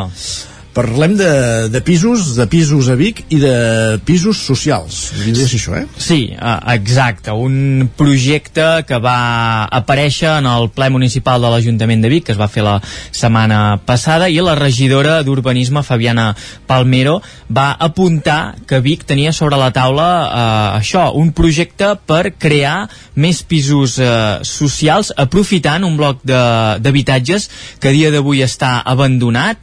És el bloc que popularment es coneix com el bloc de pisos de Genís Antel perquè es troba en un solar, en un terreny on eh, històricament hi havia hagut la fàbrica de Genís Antel, la fàbrica que portava aquest nom. Què passa en aquest solar que ho faci una mica característic, eh, peculiar? Doncs es tracta d'un solar que, com dèiem, havia acollit històricament una indústria, una indústria de, de la pell. Aquesta indústria doncs, va anar a terra, van quedar allà uns solars eh, abandonats i, de fet, la la primera idea en aquest solar era crear-hi un barri residencial, a més a més d'alt nivell, per tant, amb, amb cases d'un alt nivell eh, i d'un cost econòmic elevat. Això estem parlant del POM del 2010, eh? Exacte, estem parlant del POM del 2010 que el qualificava d'aquesta manera, de sol urbanitzable. Què va passar? Doncs que va arribar un informe eh, negatiu del Tribunal Superior de Justícia de Catalunya que deia que aquest espai eh, no podia ser qualificat com a zona urbanitzable perquè era zona inundable, per tant eh, negava que allà s'hi pogués eh, fer eh, habitatges. Què es va haver de fer? Es va haver de cancel·lar aquest POUM del 2010, es va haver de tornar a reformular tot plegat i en el que es va acabar aprovant el eh, 2019 aquesta zona quedava com a sol no urbanitzable, per tant un lloc on no s'hi podia construir eh, pisos. L'Ajuntament de Vic aquí en aquesta zona finalment el que hi ha anat eh, dissenyant, pensant, és una gran àrea verda per donar connexió al que és l'anella verda de la ciutat de Vic, és un tram proper al riu eh, Meder, que dèiem això, eh, que, que pot connectar aquesta anella verda de la ciutat de Vic, també està molt propera al centre, per tant seria un pulmó important per la ciutat, però enmig d'aquest solar, que ara mateix encara és un solar abandonat, que no s'hi ha fet res, que encara s'hi veuen rastres de la indústria, doncs hi queda aquest bloc de pisos. Què passa? Uh, la qualificació de sol no urbanitzable no permet construir-hi habitatges nous, però com que aquest habitatge ja està construït i té una cèdula d'habitabilitat, doncs es podria reaprofitar. I és aquí on l'Ajuntament de Vic, un cop adquirit tot aquest solar, ho va fer l'estiu passat, ja ha vist una, una escletxa per poder-ho reformar i poder-hi fer pisos socials. En aquest bloc de pisos els últims anys doncs, hi han hagut diversos actes eh, vandàlics, eh, ocupacions temporals dels pisos eh, per part de, de diverses eh, persones. En els últims mesos, des de que ho va comprar l'Ajuntament de Vic, doncs el que s'ha fet és eh, tapiar consciència les eh, entrades, fa una setmana s'hi va posar una porta de seguretat que per tant permet entrar i sortir de l'habitatge amb, amb permís. Els tècnics ja han començat a entrar i ara es troben en aquesta fase, començar a analitzar quan costaria la reforma quan costaria el projecte de recuperar aquest bloc de pisos que com dèiem ja té la carcassa eh, feta i acabar-hi fent pisos socials. Encara no se sap ben bé quants en podrien sortir, però tot apunta que per les característiques de l'habitatge del bloc d'habitatges podrien ser uns 8 pisos socials que quedarien per tant molt a prop d'aquest futur pulmó verd que també eh, es dissenya eh, a l'entorn d'aquest solar de, de Genís Antel és un solar realment molt gran 36.000 metres eh, quadrats eh, per tant d'una magnitud força important i ara dèiem això, eh, que encara hi queden rastres d'aquesta zona industrial, els terres encara molts són de ciment, per tant s'ha de fer tota una feina de transformació i en el bloc de pisos de Genís Antel també ja s'hi comença a projectar eh, aquest bloc de pisos eh, socials. I a l'altre del carrer i quedaria també la, la futura facultat de, de la zona sanitària de la Universitat de Vic. Sí, exacte, seria una, una zona a revitalitzar no, en aquests propers anys amb molt potencial per aquest fet, eh, perquè es troba força a prop del centre, és un espai eh, molt gran, s'hi pot fer aquest pulmó verd, hi ha els, eh, aquests habitatges que podrien ser pisos socials, molt a prop també hi ha una residència de la gent gran com és les Armenites, uh -huh. per tant un, un punt important de la ciutat de Vic que s'haurà d'anar desenvolupant en els propers anys. Moltíssimes gràcies, Guillem. Adéu, bon dia. Bon dia. I continuem amb aquesta taula de redacció ampliant una notícia que donàvem fa una estona a les notícies, valgui la redundància, que són aquests Premis EMA de Barcelona, de Barcelona que es lliuraran Isaac Muntades. Bon dia, dissabte a Sant Joan de les Abadeses. Bon dia. Sí, correcte. Uh, aquest dissabte doncs, es lliuraran aquests guardons Emma de Barcelona. Ja és la cinquena edició que s'entreguen, per tant ja estan plenament consolidats. Uh, recordem que això està organitzat uh, per la secció local d'Esquerra Republicana d'aquí a Sant Joan de les Abadeses, que dona doncs, uh, dos premis, un de, per una persona individual de, del poble, uh, que bàsicament uh, la persona que el guanya doncs, ha de complir una sèrie de valors que defineixen la figura de l'abadesa Emma, com tot el tema de la catalanitat, no? de, de, de lluitar i, pel progrés del país, etc etc. I també n'hi ha un de, en l'àmbit col·lectiu, eh? que està més pensat per les entitats o, o, o grups de, de col·lectius d'aquí de, de, de Sant Joan de les Abadeses. Uh, aquest any uh, ja se saben qui són els guardonats, evidentment. Uh, L'entrega de premis es farà a la plaça de l'Abadia, en principi, si no plou, aquest dissabte, com deies. I en la categoria individual, doncs, uh, la, la guanyadora ha set Anna Coma, Uh, és la primera dona, s'ha de dir, de les cinc edicions que, que s'endú el, el premi. Uh, havia tardat bastant a arribar, però sí que, que ella és la, la primera. Recordem que bàsicament és una persona que és esportista, que va participar doncs, en uns Jocs Paralímpics a Turí, a Itàlia, l'any 2006, en esquí al, alpí, perquè té doncs, una discapacitat uh, visual, i, i bé, que també ha fet doncs, altres esports, eh? bicicleta en tàndem sobretot també i, i ha guanyat doncs, alguns campionats europeus per tant doncs, és una persona que en, en, a diferència de, dels altres guardonats que tenien potser un vessant més cultural doncs ella té un vessant més esportiu i social no? però, però també el, el porteu d'Esquerra Sergi Albric en destacava això que que bàsicament doncs, ella també ha contribuït al que seria doncs, millorar el poble en el sentit per les persones invidents, no? ja sigui eh, ajudant amb el tema dels semàfors sonors, eh, bé, eh, reduint les barreres arquitectòniques, eh, una mica això, no? per tant també eh, és, és important. Eh, el guardó eh, col·lectiu serà per l'agrupació sardanista de Sant Joan de les Abadeses, que bàsicament eh, es va fundar l'any 1975 i bàsicament aquest any també eh, això fa 50 anys més o menys i eh, es compleix aquesta efemèride que és que el, eh, fa 25 anys doncs Sant Joan va ser proclamada com a ciutat pupilla de la Sardana l'any uh -huh. 97 per tant també una mica doncs eh, s'ha fet venir bé en funció d'això també la gent evidentment ho ha votat però, però suposo que això també hi ha, hi ha ajudat no? i bé, Sergi Albric en destacava això eh, que és una entitat doncs, que ja venia en una tradició sardanista que venia del segle XIX, això ja venia de molt abans, mm, sí que és veritat que es va fundar el 1975, però evidentment hi havia sardanes a Sant Joan uh, molt abans, i, i bé, doncs és una, un ball popular de, de Catalunya molt reconegut que fa doncs, que també es preservi doncs, aquesta tradició eh, que es fan cinc cursets de sardanes bé, una mica és l'aportació que ha fet el poble, que és molt important. Uh -huh. uh, per acabar, dir-vos que l'acte també està previst que hi assisteixi l'exconsellera de Salut, Alba Vergés, i, i bé, esperem que faci bon temps i que es pugui fer a, a la plaça de l'Abadia, si no es farà dins del Palau de l'Abadia a la sala Abat uh, Villalba, però bé, Uh, últimament fa molt bon temps, no sé com, com estarà el cap de setmana, però aquí Sant Joan realment avui fa tot un punt, dia esplèndid. Tot apunta que, que no canviarà. Uh, una pregunta només, Isaac, això ha de suposar un punt d'inflexió, sí. el fet que hi hagi per primer cop un reconeixement a, a una dona, tenint en compte que si en 5 anys no n'hi no havia hagut cap, ara és un criteri que es tindrà en compte a partir d'ara o no, no, no, no obté per què?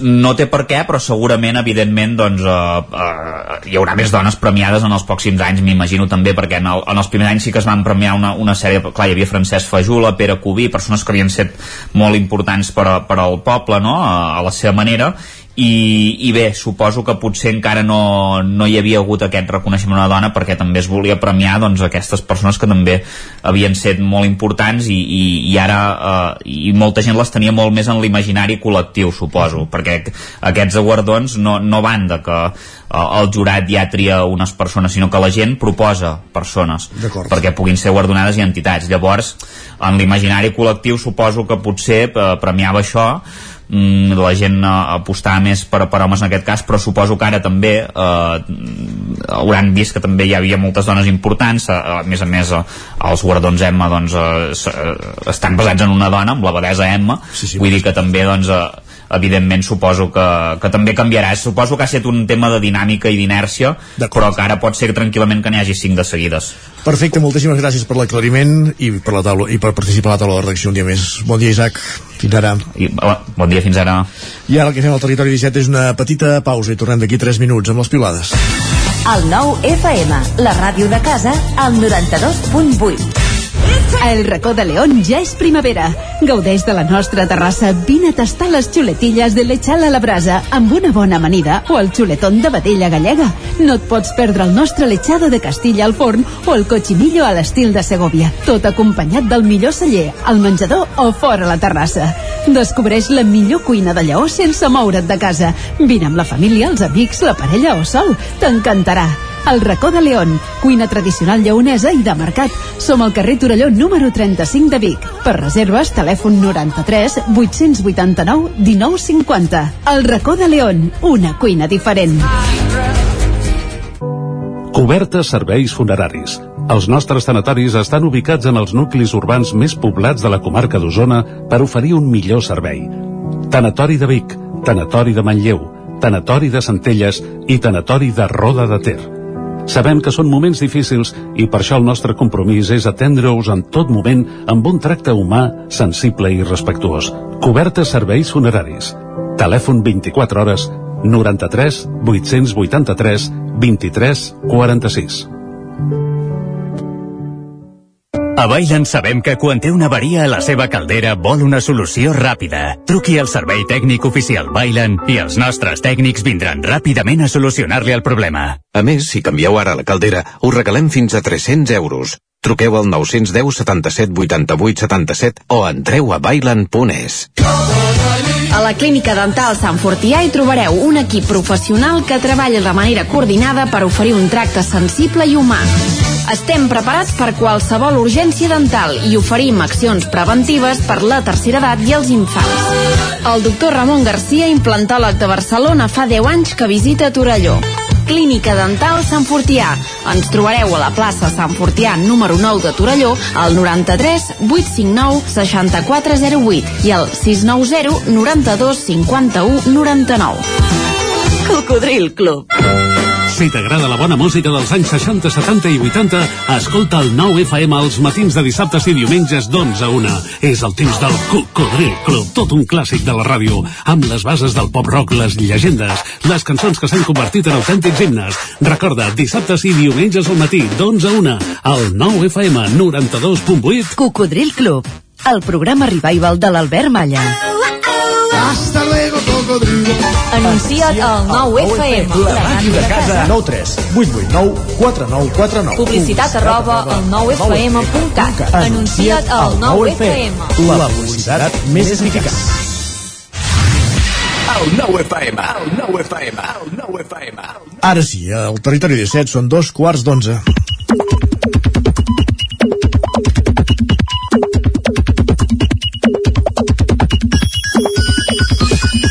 Exacte, Isaac, dos quarts d'onze i això vol dir que ja tenim en Guillem Sánchez aquí a punt per repassar unes quantes piulades que no sé si fan referència a la bombolla de calor de la qual ens ha parlat en Pep Acosta que segurament fins al cap de setmana la tindrem aquí Mira, la primera, la primera em fa referència Sí? perquè l'Èlia creu que les coses haurien de canviar una mica quan arriba aquesta època de l'any. En quin sentit? Ens Aviam. diu, qualsevol activitat productiva hauria de quedar completament cancel·lada un cop arriba el sol de maig. Home. Seria fotut, eh? Seria fotut, això, eh? Així és molt bonic el Llavors sol que ens hem de de dedicar a partir del maig a activitats improductives. Vacances. Activitats improductives. Vacances fins al sol de jul, juny, juliol, agost... no, fins a l'octubre, que puguem anar a buscar bolets, no? Ja en palmem, no? I llavors fa massa fred també per fer depèn quina activitat. Doncs vinga, també cancel·lem-ho tot, va. I quan arriba aquesta època de l'any també és moment que se celebrin moltes colònies a les escoles. La I nana tant. ens escriu...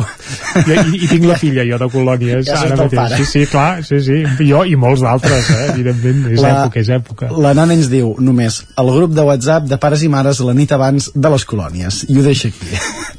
Ho deixa aquí perquè... El, el grup de WhatsApp de pares i mares el dia abans de les colònies, el dia després de no sé què, i el, I el dia del mig de les cada, colònies, ha de ser un infern cada dia, em Hi, sembla. hi, Eh? hi ha solució, eh, en aquest uh, sentit, i és uh, no ser-hi. No ser-hi. Però bé, bé. D'aquí per això ens surten algunes anècdotes curioses, com la d'aquest usuari que ens diu falta un mes perquè el meu fill marxi de colònies, diu, i a nit una mare, diu, no se pueden llevar las tablets, a ver cómo se duerme mi hijo. Precisament per això van de colònies els nens, senyora, per això hi van.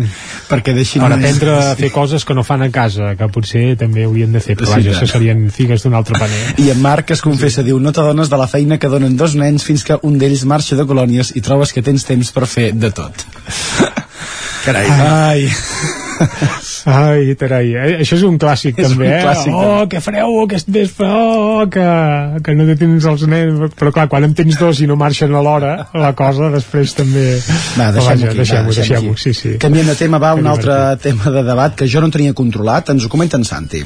Quin és, aviam? Ens diu, tema seriós, pot ser que des de fa un temps els formatgets de la vaca que ria siguin més prims, més o menys un mil·límetre? Home, això és una tendència que per l'encariment de preus han fet moltes companyies i empreses. És a dir, el preu és el mateix, però hi ha menys quantitat del producte amb alguns envasos. I, Això passa. fet- Ara, jo no et puc confirmar el tema aquest dels formatgets, perquè no en soc gaire amant, però no sé, l'Isaac, que és més de formatge, No si ho té ni, controlat, ni això. idea. Però de fet hi ha alguna resposta que va en aquest vaig, sentit. Vaig eh, veure Jordi? l'estar passant que, que comptaven Doritos un dia, però més enllà d'això no. Ostres, ostres.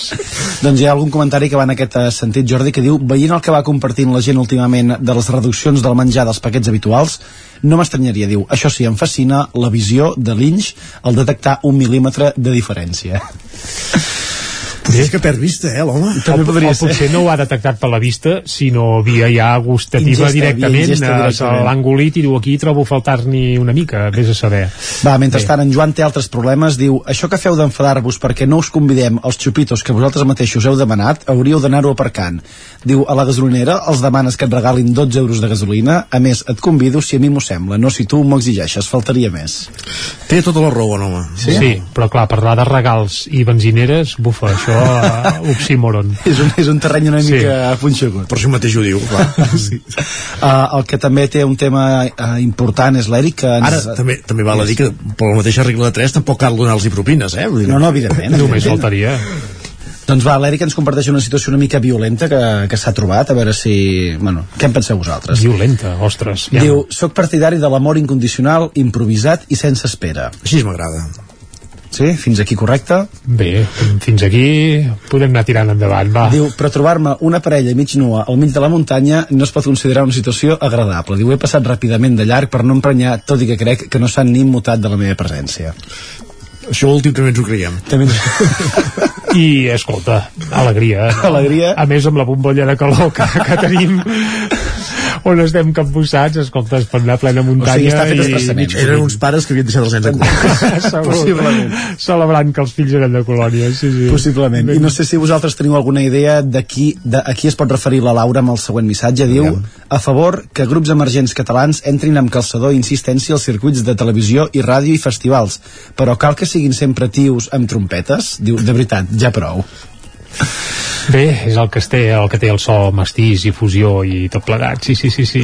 Es troba a faltar una mica de rock and roll, eh? Una miqueta. Bé, Una miqueta. cadascú, escolta, que es Va. compri cap on vulgui, que escolti el que vulgui. I per acabar, per una, acabar va. una situació que ens comparteix en Claudi que m'ha posat de bon humor, diu, normalment quan venen uns clients i els atents acabes amb un adeu i no ens toquem, com a molt amb una encaixada de mans i un passi bé, diu, per primera vegada una clienta s'ha acomiadat amb una abraçada i dos petons. He pensat, es nota que la clienta és del món del teatre.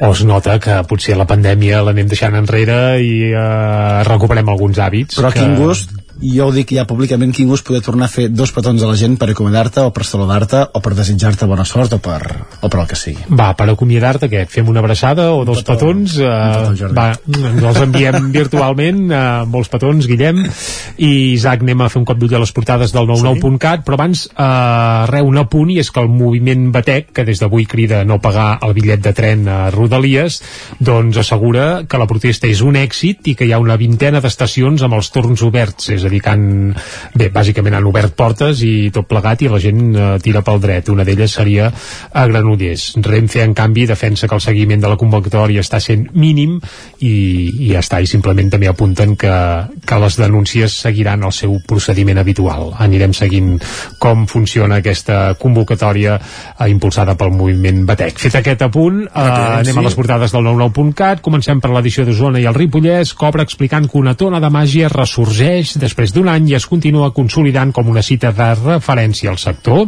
També Anna R repetirà com a vicepresidenta de la futura executiva de Junts per Catalunya, com que hi haurà llista única al Congrés de principis de juny, doncs és evident que Anna R repetirà, i també visibilitzar el lupus. Ahir era el Dia Mundial d'aquesta malaltia i apareix una crònica amb dues eh, bé, malaltes de lupus on expliquen la situació que es viu arran d'aquesta malaltia. Anem al Vallès Oriental, ara mateix obre explicant que el drac de Granollers celebra el seu 30è aniversari.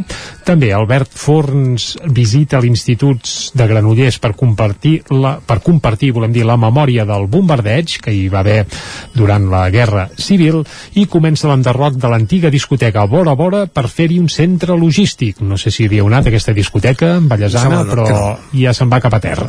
Doncs va, dit tot plegats, el que fem és anar cap a l'entrevista. Gràcies, Jordi. Vinga, salut.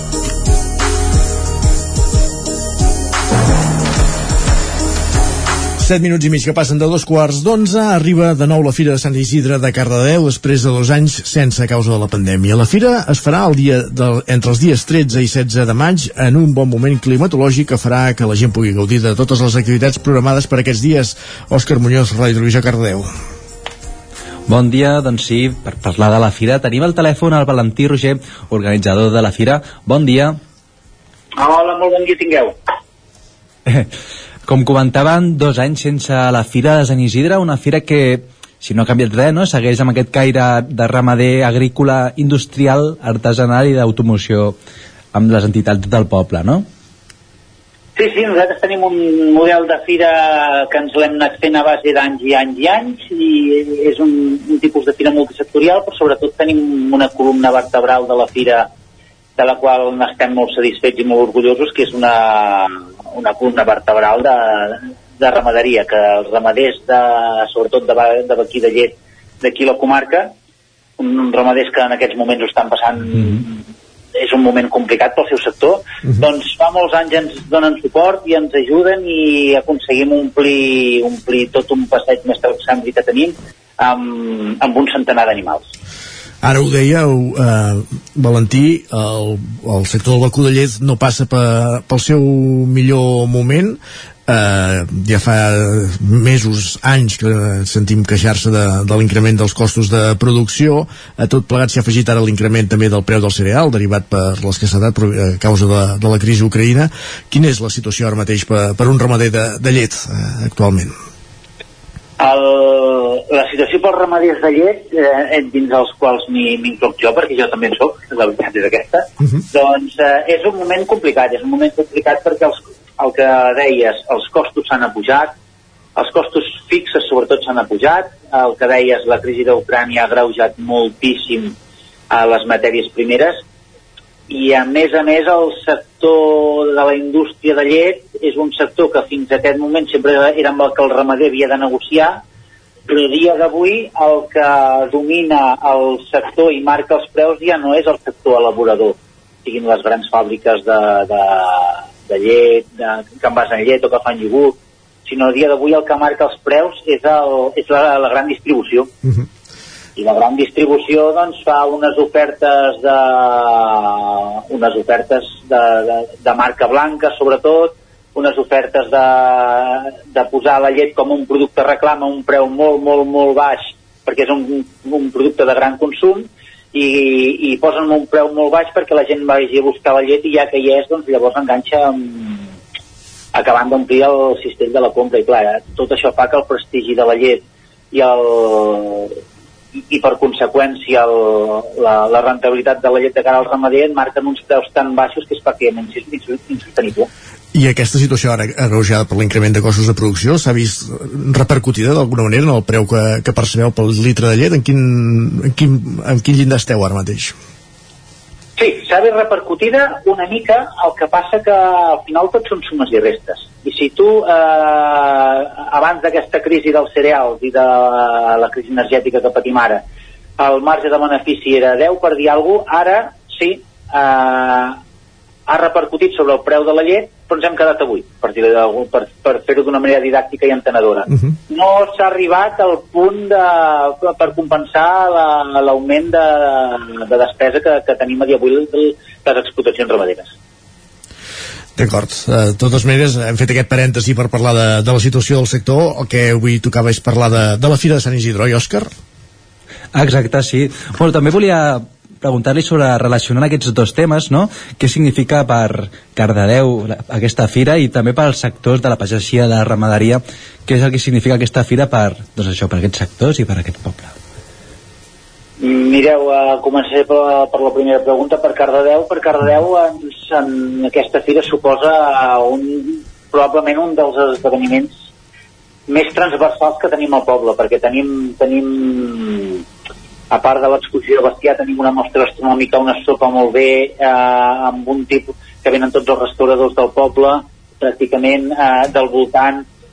Tenim una fira que eh, és capaç d'aglutinar amb molta gent de molts sectors diversos, jovent, joves, gent gran, famílies, parelles, i és un lloc on tothom s'hi sent molt a gust perquè hi ha moltes coses diferents, però totes ben, ben ubicades. I a més a més tenim la, la sort de poder fer aquesta fira en un espai que tenim el del Pompeu Fabra i els Pinatons que tenim el bestiar sota dels plataners a l'ombra, a sota dels pins tenim un entorn privilegiat per fer una fira que no, no el trobes en lloc normalment estan en llocs una mica més desolats que són sol, grans solars Uh -huh. i nosaltres tenim una fira a sota els arbres i això, a, a sota els arbres i al mig d'un torrent i això està molt bé i li dona un espai molt maco Oh, i tant, això no té freu. Quines novetats, quines novetats hi ha aquest any a a, a la fira? Doncs aquest any, aquest any eh, primer de tot reprenem els, els, els que eren els nostres tòtems, diguéssim, que és l'exposició de, de bestiar, la mostra astronòmica, que és un gran fet. Eh, hem engegat aquest any també tot un espai, no aquest any no ho vam fer el 2019, l'últim any que vam poder fer fira abans de pandèmia, vam, vam inaugurar un espai amb food trucks que, que per restauració, perquè la gent pugui, pugui estar còmode i dinar i sopar i el que considerin en el moment que vulgui, que és un espai també molt maco, l'hem arreglat molt maco, fem una tria molt, molt xula de les trucks que venen. A, me, a més a més, eh, també tenim el, el diumenge tenim una exhibició de, de, del Miron Coixí, d'en de, de, cavalls que fan salt i, i és un espectacle molt xulo. Tenim una, un, un carrusel d'activitats una darrere l'altra que totes les podreu trobar a ficar.cat, que és la nostra pàgina web, i allà us podeu descarregar el programa, tenim el nostre Instagram de Fira Sant Isidre de Cardedeu, uh, el podeu trobar a tot arreu, i a més a més, també que també ho vam engegar el 2019 i aquest any seguim amb això, oferim un espai de, perquè la fira també té un espai d'atraccions com, eh, així com, com totes les fires però a més a més també hem, hem agafat una pista coberta que tenim aquí que ja ho vam iniciar i aquest any ho seguim per poder oferir un espai de lúdic per la canalla de qualitat, que no tot sigui anar, anar a tirar balins amb les escopetes i pujar als, als torns mecànics aquells petits, sinó oferir un, un tipus d'espai lúdic de qualitat a les famílies que vulguin i perquè tinguin els nanos entretinguts i fent una cosa on aprenen reciclatge, on aprenen com, com jugar amb joguines de fusta, coses que és, estem molt contents i molt orgullosos. hem parlat de tota aquesta programació i el que sí que n'hem pogut trobar a veure, s'han revisat activitats com la borricada o passejades en ruc? La borricada aquest any no la fem perquè nosaltres, aviam, i, i això us ho dic des de la membre de la comissió i, i des del punt de, de ramader que sóc jo. Ja fa anys que teníem problemes, hi ha molta gent, el moviment animalista està en un moment creixent i el fet de fer la borricada i les curses de rucs que pràcticament cada any ens suposava un problema, perquè hi havia molta gent, sobretot gent que ens venia de fora, però molta gent que no, no havia vist el que era ni el que suposa per la gent ni la diversió que és i que no coneix molt els animals per, perquè els animals no pateixen ni una mica i això quan has treballat amb animals o, o ja ha sigut anys ja, ja ho sabem, els que ho hem fet no pateixen perquè quan, quan els rucs volen que baixis tu baixes al, al, al, al segon 1 doncs cada any teníem molts problemes, molts problemes, moltes queixes i al final ho hem deixat per, per bàsicament per no tenir problemes uh -huh. i tot hem deixat estar i el que també hi ha en aquesta fira és el 28è concurs mundial de, de menjar borregos, una cita que tenia en compte que és Cardeu no, podia, no pot passar per alt, oi? Això és senyal d'identitat de Cardedeu, és el que fa molts anys vam començar i encara ho mantenim perquè a Cardedeu si tenim una pasta que és típica nostra eh, és el borrego, el borrego que hi ha el, el tou i, a, i el dur, però del que sempre diem que en són molt típics és, és del dur doncs fem aquesta menjada que la vam engegar i bé, hi ha molta gent molt aficionada a anar-hi uh -huh. i, i, i a venir-hi I, i és una mica una, una senyal d'identitat nostra dins de...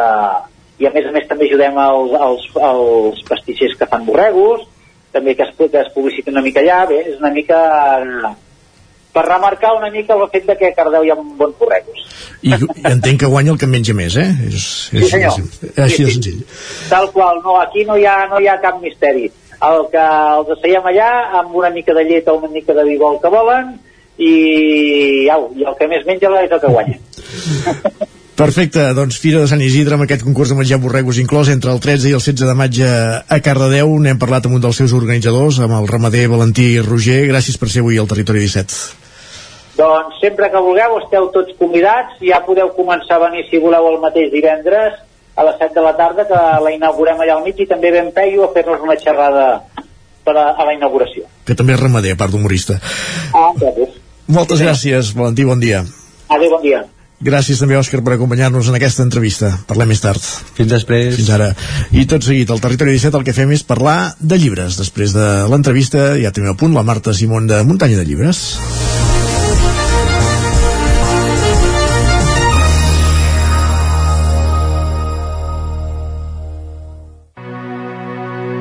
Territori 17 El nou FM, la veu de Sant Joan, Ona Codinenca, Ràdio Cardedeu, Territori 17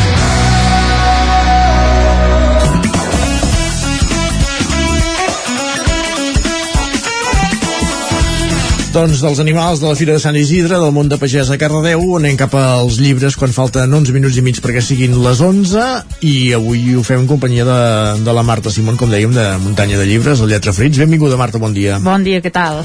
Bé, i tu? Molt bé, també. Passant calor ja? Encara sí, no. una miqueta. Ja teníem ganes que arribés l'estiu. Ara ho has dit.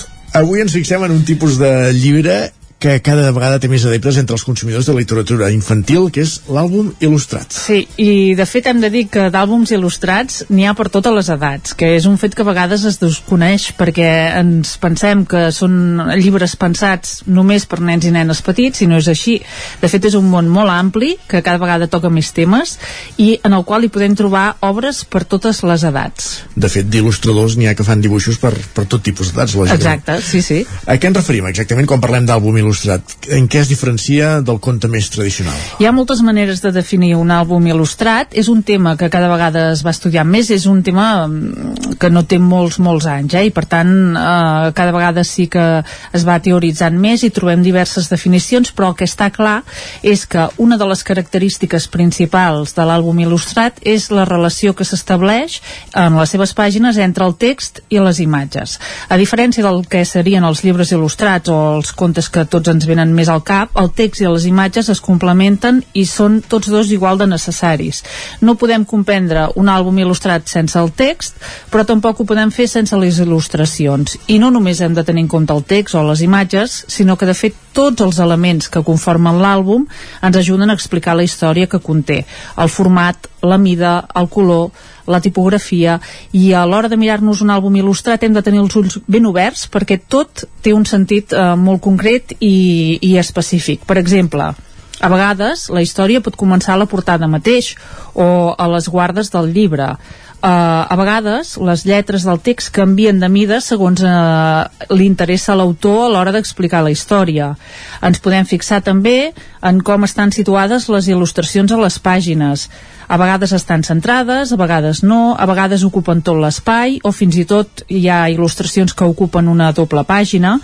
Uh, també podem observar la tècnica o les tècniques que ha utilitzat uh, l'il·lustrador Uh -huh. aquarela, collage, tècnica mixta en fi, hi ha molts aspectes més enllà de l'argument que ens poden cridar l'atenció d'un àlbum il·lustrat. I diríem que és pràcticament un bon àlbum il·lustrat és pràcticament un objecte d'art. Una obra artística en si mateixa que s'ha de valorar en el, en el seu conjunt. Sí que és veritat que cada vegada en veiem més. Estan de moda, podem dir, és una tendència ara mateix? Sí, és un tipus de llibre que en els darrers anys ha viscut un boom espectacular. Cada vegada hi ha més públic hi ha més lectors que reconeixen el valor d'aquest tipus de llibres, que saben apreciar tot el que significa la feina que és molta que hi ha al darrere i cada vegada també hi ha més editorials que aposten pels àlbums il·lustrats. Per exemple Calandraca, Barbara Fiore Andana Editorial, Amo en Paso Babulinka Books, Akiara Joventut, Libros de Zorro Rojo, me'n deixo, eh? I de fet, eh, mira, una vintena d'aquestes editorials s'han associat eh, ja fa uns quants anys per crear l'associació Àlbum, que és una associació destinada a promoure aquest tipus de llibre i des de fa uns anys organitzen la Setmana de l'Àlbum.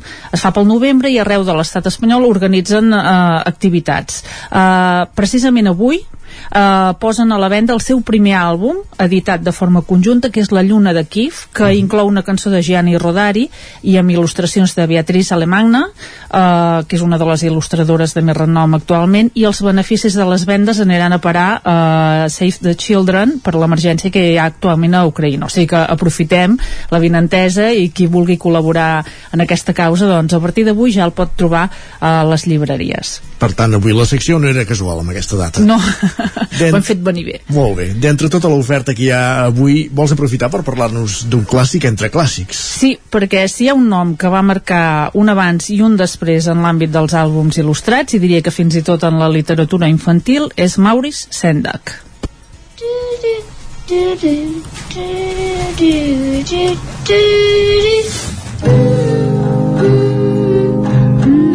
Soy Max.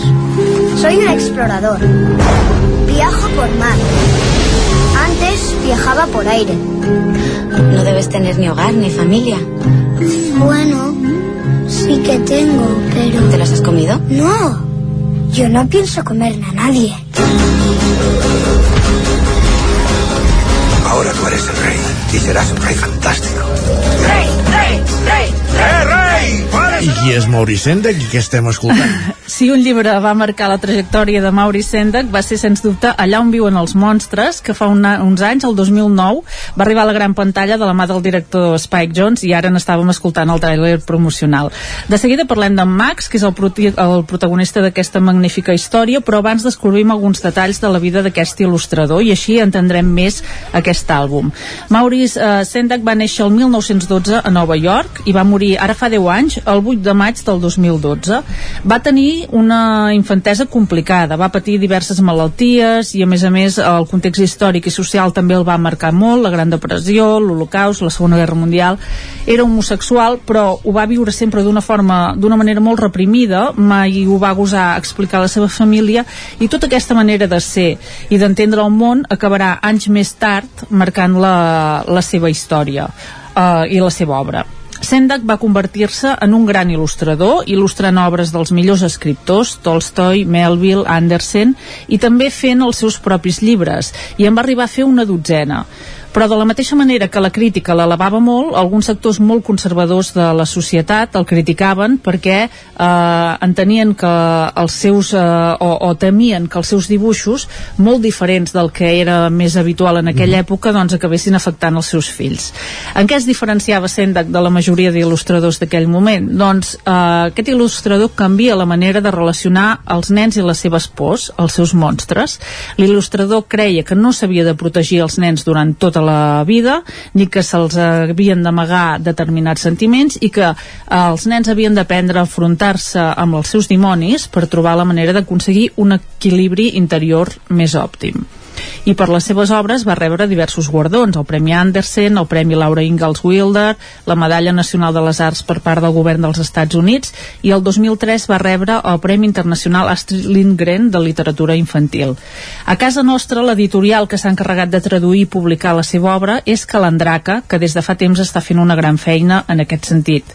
I respecte a això que comentàvem de la particular visió que tenia Sendak de la infantesa i de com els nens s'havien de relacionar amb els seus temors, trobem, per exemple, llibres eh, seus com A la cuina de nit, que aquest llibre és un clàssic dels anys 70, que sent que evoca records de la seva infantesa, quan tenia 11 anys va quedar-se meravellat davant l'aparador d'una pastisseria a Nova York i el lema d'aquesta pastisseria era nosaltres fornegem per tu mentre dorms i anys després Senda expl explicava que a la cuina de nit era una mena de venjança perquè ara ja era prou gran per saber què passava la nit en aquella pastisseria. I va ser un llibre molt guardonat però també va ser censurat en algunes biblioteques públiques i escolars per un sector conservador de la societat americana que considerava escandaloses algunes pàgines on el protagonista sortia despullat. Però si dèiem una obra va convertir Maurice Sendak en un dels imprescindibles va ser sens dubte allà on viuen els monstres. Uh -huh. es va publicar per primera vegada el 1963 i s'ha convertit en un dels àlbums més venuts de tots els temps i més traduïts. Evidentment no es va escapar tampoc de la polèmica per la manera de parlar de la infància però s'ha convertit en un clàssic de la literatura no només pel canvi en la manera d'entendre la infantesa i de tractar els nens sinó també des d'un punt de vista estètic el protagonista, que ara escoltàvem també en el tràiler, eh, és en Max, que és un nen molt entremaliat, a qui la seva mare eh, castiga a la seva habitació després d'haver fet moltes dolenteries, eh, sense sopar, i li diu, la mare li diu que és un monstre, i ell li respon que se la menjarà. Carai. A partir d'aquí l'envia a la seva habitació i allà comença un viatge simbòlic fins a un indret fantàstic, atrevessant temps i espai i enfrontant-se a les seves pors, que són els monstres s'acaba convertint en el rei dels monstres, uns monstres alhora ferotges i entranyables, i torna a casa seva on l'esperen per sopar. Senda que amb aquest llibre ens proposa un viatge d'anada i tornada de la realitat a la ficció, un viatge en què el nen s'enfronta a les seves pors, troba la manera de conviure i a més a més de de fer-se responsable eh, doncs torna a la realitat per tant, podem fer entremaliadures, podem convertir-nos en el rei dels monstres, però hem d'acabar tornant a la realitat i quan ho fem, el sopar ens esperarà a taula perquè a casa hi ha algú que ens estima incondicionalment i ens espera sempre i ens posa el plat de verdura i peix per sopar. Exacte. uh, Sendak uh, aconsegueix doncs, uh, això, aquest viatge amb un àlbum il·lustrat que mostra, a més a més, a la perfecció tot allò que dèiem que imatges i text van a una, perquè està pensat artísticament fins al més petit detall, el format, l'atmosfera màgica que desprèn cada pàgina, la tensió argumental, la combinació de paraules, sons i repeticions, i per exemple les il·lustracions cada vegada van fent-se més importants a la pàgina, van creixent a mida que en Max s'endinsa en el món de la imaginació, mentre que quan torna a la realitat van tornant a fer-se petites. Un llibre que si no ho coneixeu us el recomanem molt per petits i grans. Uh, jo el recomanaria a partir dels 5 anys també, abans també però amb lectura acompanyada i que és una delícia. On viuen els monstres? Hem parlat avui dels àlbums il·lustrats, aprofitant la, la vinentesa, i hem parlat de, de Maurice Sendak, aquest autor, diguéssim, que podria ser la, la referència d'aquesta nova tendència que detectàvem els darrers anys, oi, Marta, que dèiem? Exacte, sí, d'autors n'hi ha molts, eh? De clàssics dins d'aquest àmbit també i contemporanis també estan sortint eh, escriptors i il·lustradors eh, il·lustradors que fan els seus propis àlbums i eh, amb molta qualitat i editorials com les que comentàvem i d'altres que aposten per aquest àmbit i la veritat és que és d'agrair Oh, tant, com sí. Doncs també és d'agrair que una setmana més ens hagis acostat a l'antena del territori 17, portar-nos aquesta tendència, en aquest cas de literatura infantil, però que, com deies, d'il·lustradors i de llibres il·lustrats, d'àlbums il·lustrats n'hi ha per, per tots els públics. Moltíssimes gràcies una setmana més i fins d'aquí un meset. A vosaltres. Nosaltres el que fem ara tot seguit al territori 17 és avançar, és continuar, arribarem al punt de les 11 i el que farem serà actualitzar-nos, posar-nos al dia amb les notícies més destacades a les nostres comarques.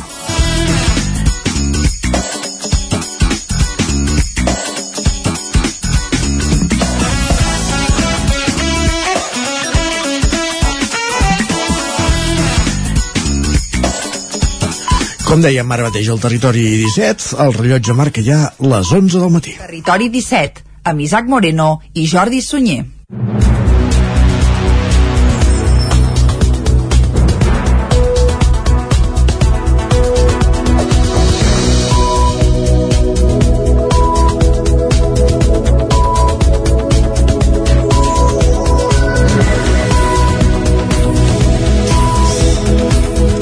I ens posem al dia amb les notícies, com dèiem, de les nostres comarques. La regidora d'Urbanisme de l'Ajuntament de Vic, Fabiana Palmero, respon les peticions de Remei Reviu. Palmero considera que el debat sobre l'espai que ha d'ocupar la plaça de la Noguera és passat i recorda que el POM es va validar el projecte d'edificació que ha de començar a l'espai amb blocs d'habitatges i una plaça més petita. Després de la roda de premsa de Remei Reviu d'aquest diumenge, en què el col·lectiu acusava l'equip de govern d'opacitat i d'ambigüitats en la propietat de la plaça, que és de titularitat privada, Palmero defensava ahir que l'Ajuntament de Vic ha actuat sempre amb transparència. L'escoltem fem les coses transparents, les hem explicat sempre, no hem amagat mai res, i al contrari, pensem que aquesta plaça tindrà uns edificis que donaran una vida a l'espai públic, eh, se situarà eh, una part de la universitat que donarà una qualitat a aquest espai que també ho necessita i que el barri reclama.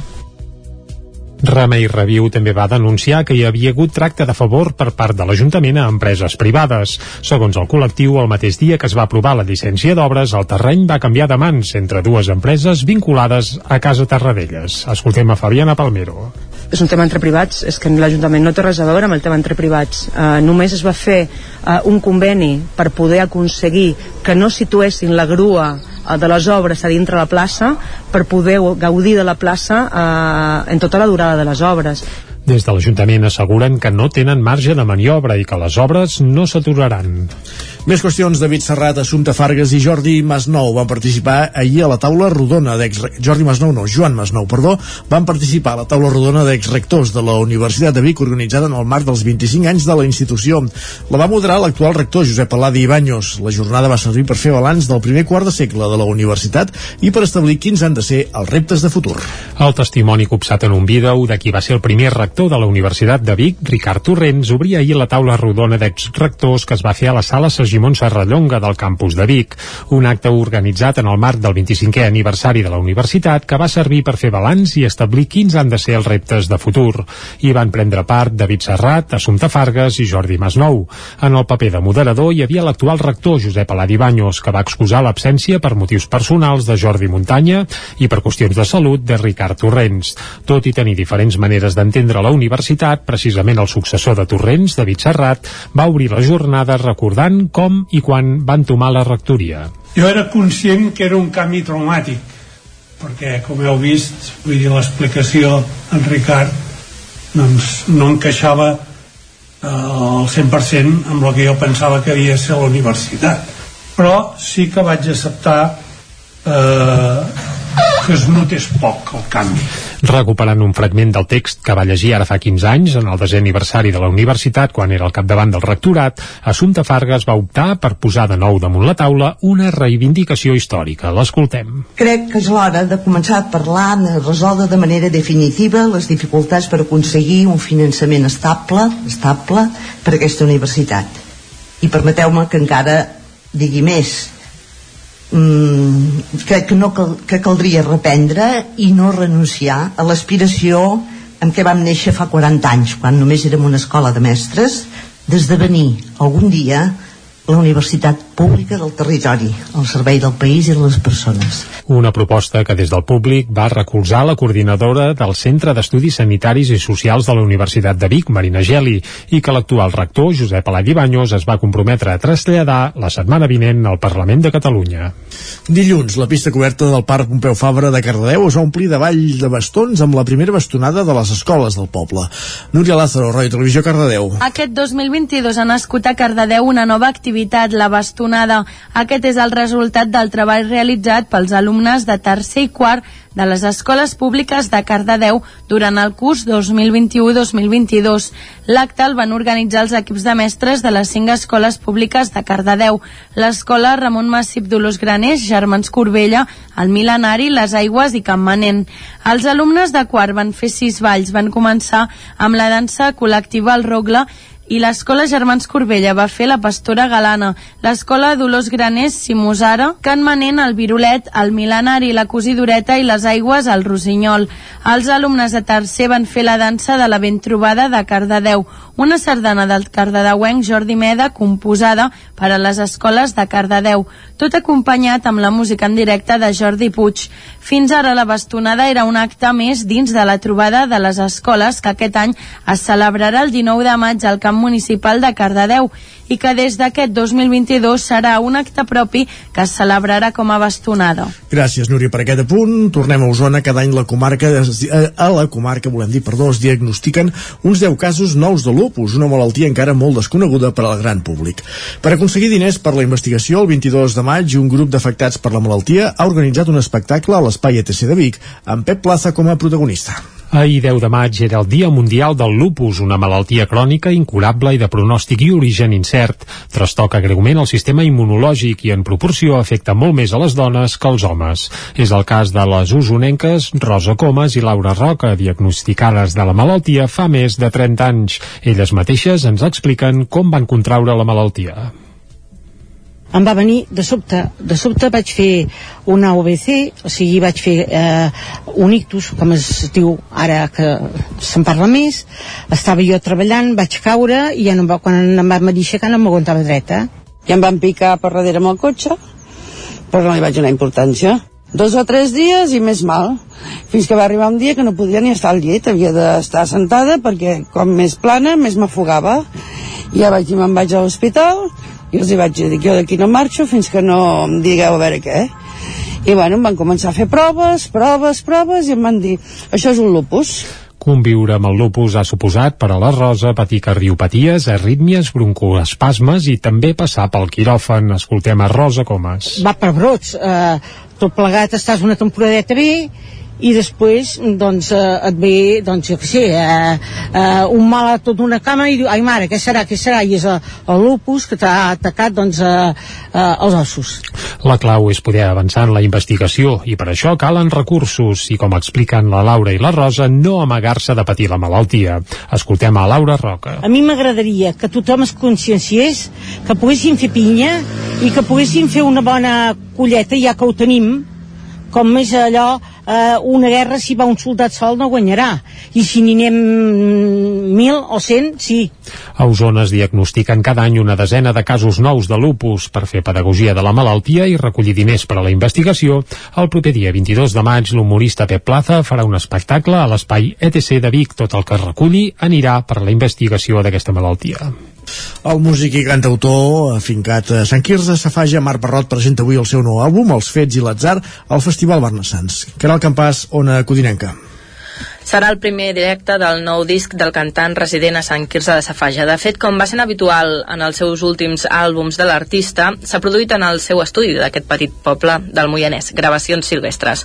Aquest cop, pel seu 11è disc, Parrot ha decidit destacar la veu com a element més important no sé si fixes en, en aquest disc la veu està tota hòstia sí. perquè per mi és lo, lo important que s'entengui bé que no hagis de fer un esforç per entendre-ho i que la música que hi ha eh, no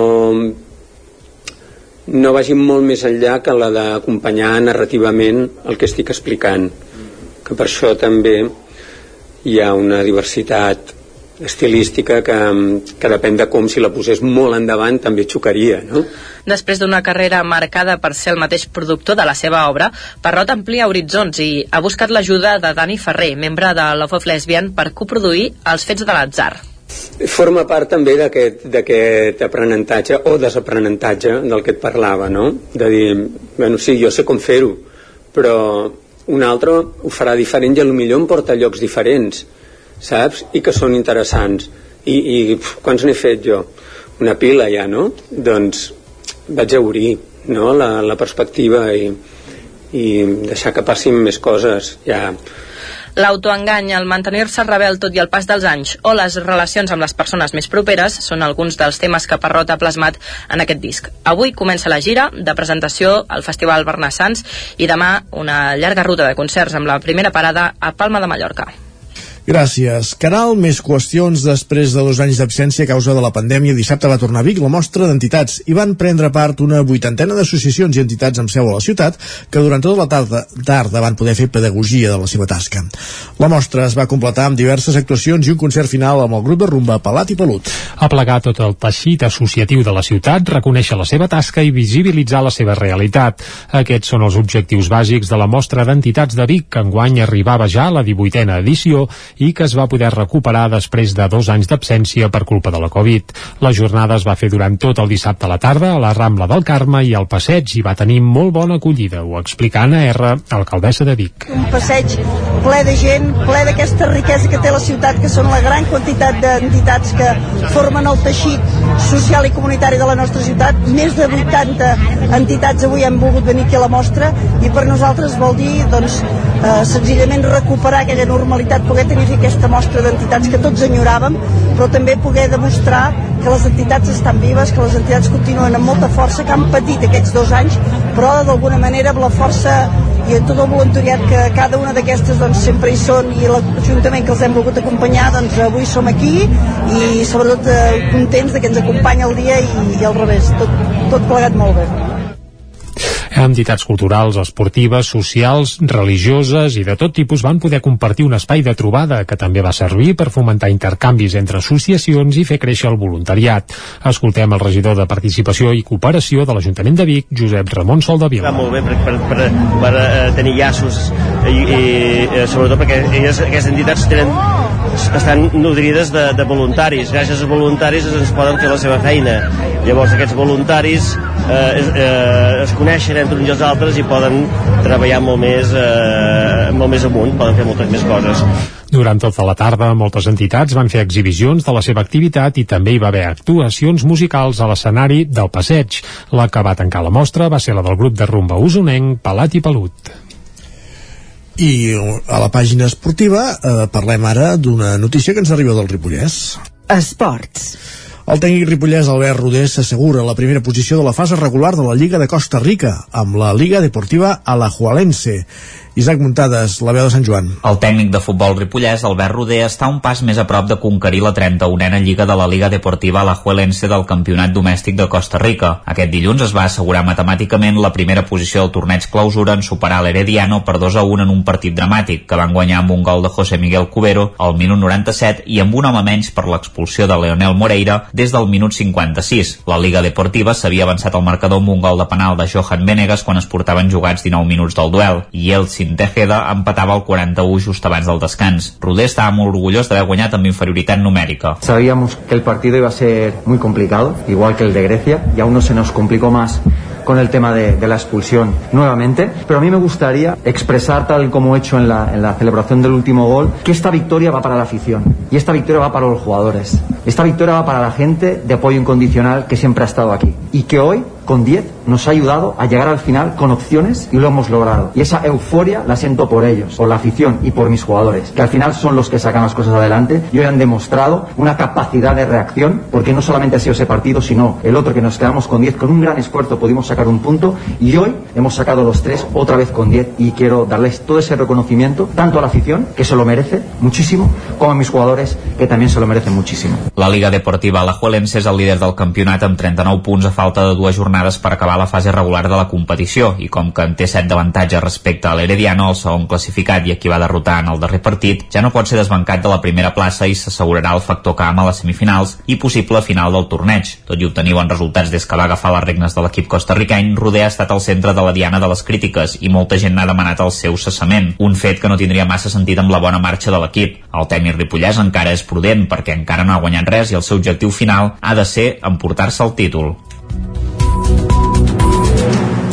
Doncs amb aquesta crònica esportiva que ens arribava des de la veu de Sant Joan acabem el repàs informatiu que començàvem a les 11 en companyia de Jordi Sunyer que era el campàs Núria Lázaro Isaac muntades. Moment al territori 17 quan falta mig minut perquè sigui un quart de 12 d'endinsar-nos al territori sostenible amb Jordi Givert. Territori 17 Envia'ns les teves notes de veu per WhatsApp al 646 079 023 646 079 023 WhatsApp. Territori 17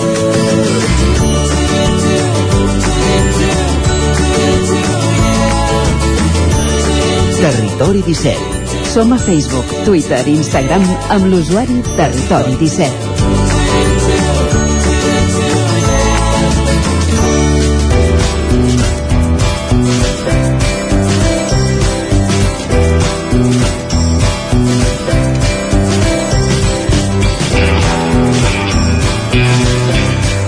quart de 12, com dèiem, al territori 17 i entrem al territori sostenible, aquest espai que cada setmana des d'Ona Codinenca ens acosta en Jordi Givert per donar-nos a conèixer iniciatives, sobretot del primer sector en l'àmbit de la sostenibilitat, iniciatives de petits productors del territori, i avui ens fixem en una, una formageria, una formageria en pedigrí, en pedigrí, amb història, al Moianès, com és la formageria Montbrui, que és una de les participants del Lactium, la fira del formatge artesà que se celebrarà aquest cap de setmana a Vic, concretament al Parc Balmes de Montbrú.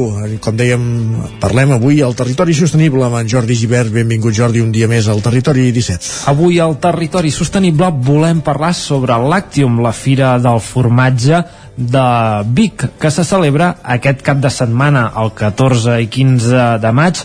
40 formatgers de tot Catalunya seran presents a la capital d'Osona per celebrar aquesta Fira del Formatge. Per això, avui volíem parlar amb un d'ells per veure com eh, viuen des del món dels productors eh, de formatge un esdeveniment com aquest. Tenim amb nosaltres a l'Oriol Antúnez, eh, formatger de Formatges Montbrú, per explicar-nos eh, aquesta perspectiva. Bon dia, Oriol. Hola, bon dia, molt bones. Oriol, uh, mira, explica'ns, uh, vosaltres des de Formatges Montbrús sereu presents al Lactum. Uh, és habitual que participeu en aquest tipus de, de, de fires, de, de premis? Sí, sí, de fet, Montbrú es caracteritza perquè ja des dels nostres inicis, ja fa més de 30 anys, eh, sempre hem sortit a vendre al carrer, a vendre a les fires. És eh, no només un mitjà de, de, de poder vendre els nostres formatges, sinó un mitjà de donar-se a conèixer, que, que sempre ens ha funcionat molt bé. I és, un, és una branca comercial que l'hem tocat des del primer dia. Ja va començar-ho al, al Pere i l'Im, els meus pares així, i així hem continuat, i especialment les fires com l'Actium, que són monogràfiques, especialitzades en formatges, i a més a més d'un nivell d'organització molt, molt, molt elevat, doncs eh, i tant, sempre mirem de ser-hi. Uh -huh. uh, ens parlaves de, de que és una fira molt especialitzada, aquesta que se celebra a Vic. Uh, què té, uh -huh. què té d'especial? Quin és uh, el tret que, que com a productors uh, valoreu més? Mira, d'entrada doncs, que hi ha com una quarantena de parades de formatges, tots ells artesans d'aquí de Catalunya i després hi ha alguna formatgeria convidada de, de la resta d'Espanya, no sé si són una o dues, i a plegar 40 formatgeries artesanes amb, amb una fira al carrer aquí a Catalunya, doncs això només passa a l'Actium i, a, i a pocs llocs més. A part, és una fira on procurem trobar-nos a tots els formatgers, és a dir, que el qui vagi a comprar pues, eh, sempre podrà veure la persona que, que ha estat fent aquells formatges i que li podrà donar una explicació pues, extensa del, del formatge que provaran i que, i que compraran. Clar, uh, estem uh, acostumats a veure-ho des, de, des de fora, des de la perspectiva de, dels que ens agrada el formatge i, i visitem a, a la, al, a l'Actium per, per comprar-ne. Uh, de portes endins, quina, quina relació hi ha entre els formatgers uh, o feu activitats uh, més concretes, especialitzades de, de sector? Quin és el vostre dia a dia en una fira com el Lactium? Bueno, d'entrada es procuren organitzar eh, no la setmana de la fira, sinó la setmana abans, perquè la setmana de la fira ja és prou liada, doncs eh, alguna jornada tècnica on, on ens puguem trobar formatgers i se'ns doni informació sobre algun aspecte interessant. Després també durant els dies de la fira doncs, es fa el, un dinar de, de formatgers on, on al migdia doncs, es tanquen les parades i podem dinar tots junts i és una mica doncs, el punt de trobada de, de molts formatgers que fa molts anys que ens coneixem però que coincidim poc i és un bon espai doncs, per trobar-nos a tots i, i posar una mica així en comú de, de com ens estan anant les coses i de bueno, projectes nous i, i una miqueta per on, per on està navegant cadascú i jo penso que aquest és el, el tret més important no? és un punt de reunió de, de tots els formatgers o bona part dels formatgers catalans També, també hi ha un concurs de, on es valoren uh, els formatges catalans. Vosaltres hi participeu?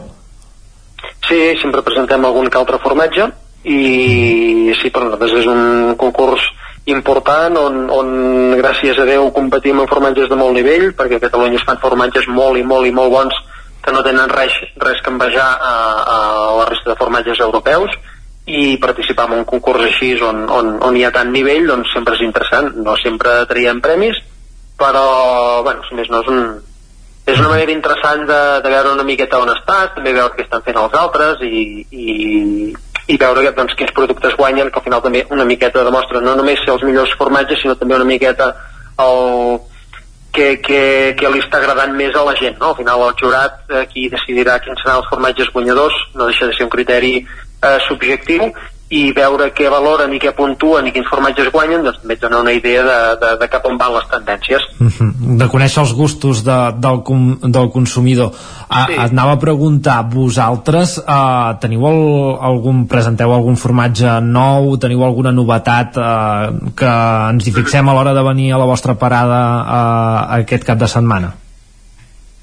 Bueno, nosaltres eh, a la Fira Lactium acostumem a portar no tant novetats, però sí formatges que en altres fires no podem treballar, doncs és una miqueta més complicat. El tou de búfala, el blau de cabra, que són formatges una mica delicadets, i que en una fira monogràfica de formatges on passa un públic molt, molt especialitzat, podríem dir-ho, molt formatger, amb molt, moltes ganes de provar coses més singulars, doncs són formatges que a aquestes fires els podem portar. I en altres fires on el públic no és tan gourmet, per dir-ho d'alguna manera, o que no són monogràfiques de formatge i, i el públic que passa doncs, potser no sap apreciar formatges més intensos de gust, allà no els portem, però al Lactium sí, al Lactium portem els pesos pesants, per dir-ho d'alguna manera, de la, de la formatgeria.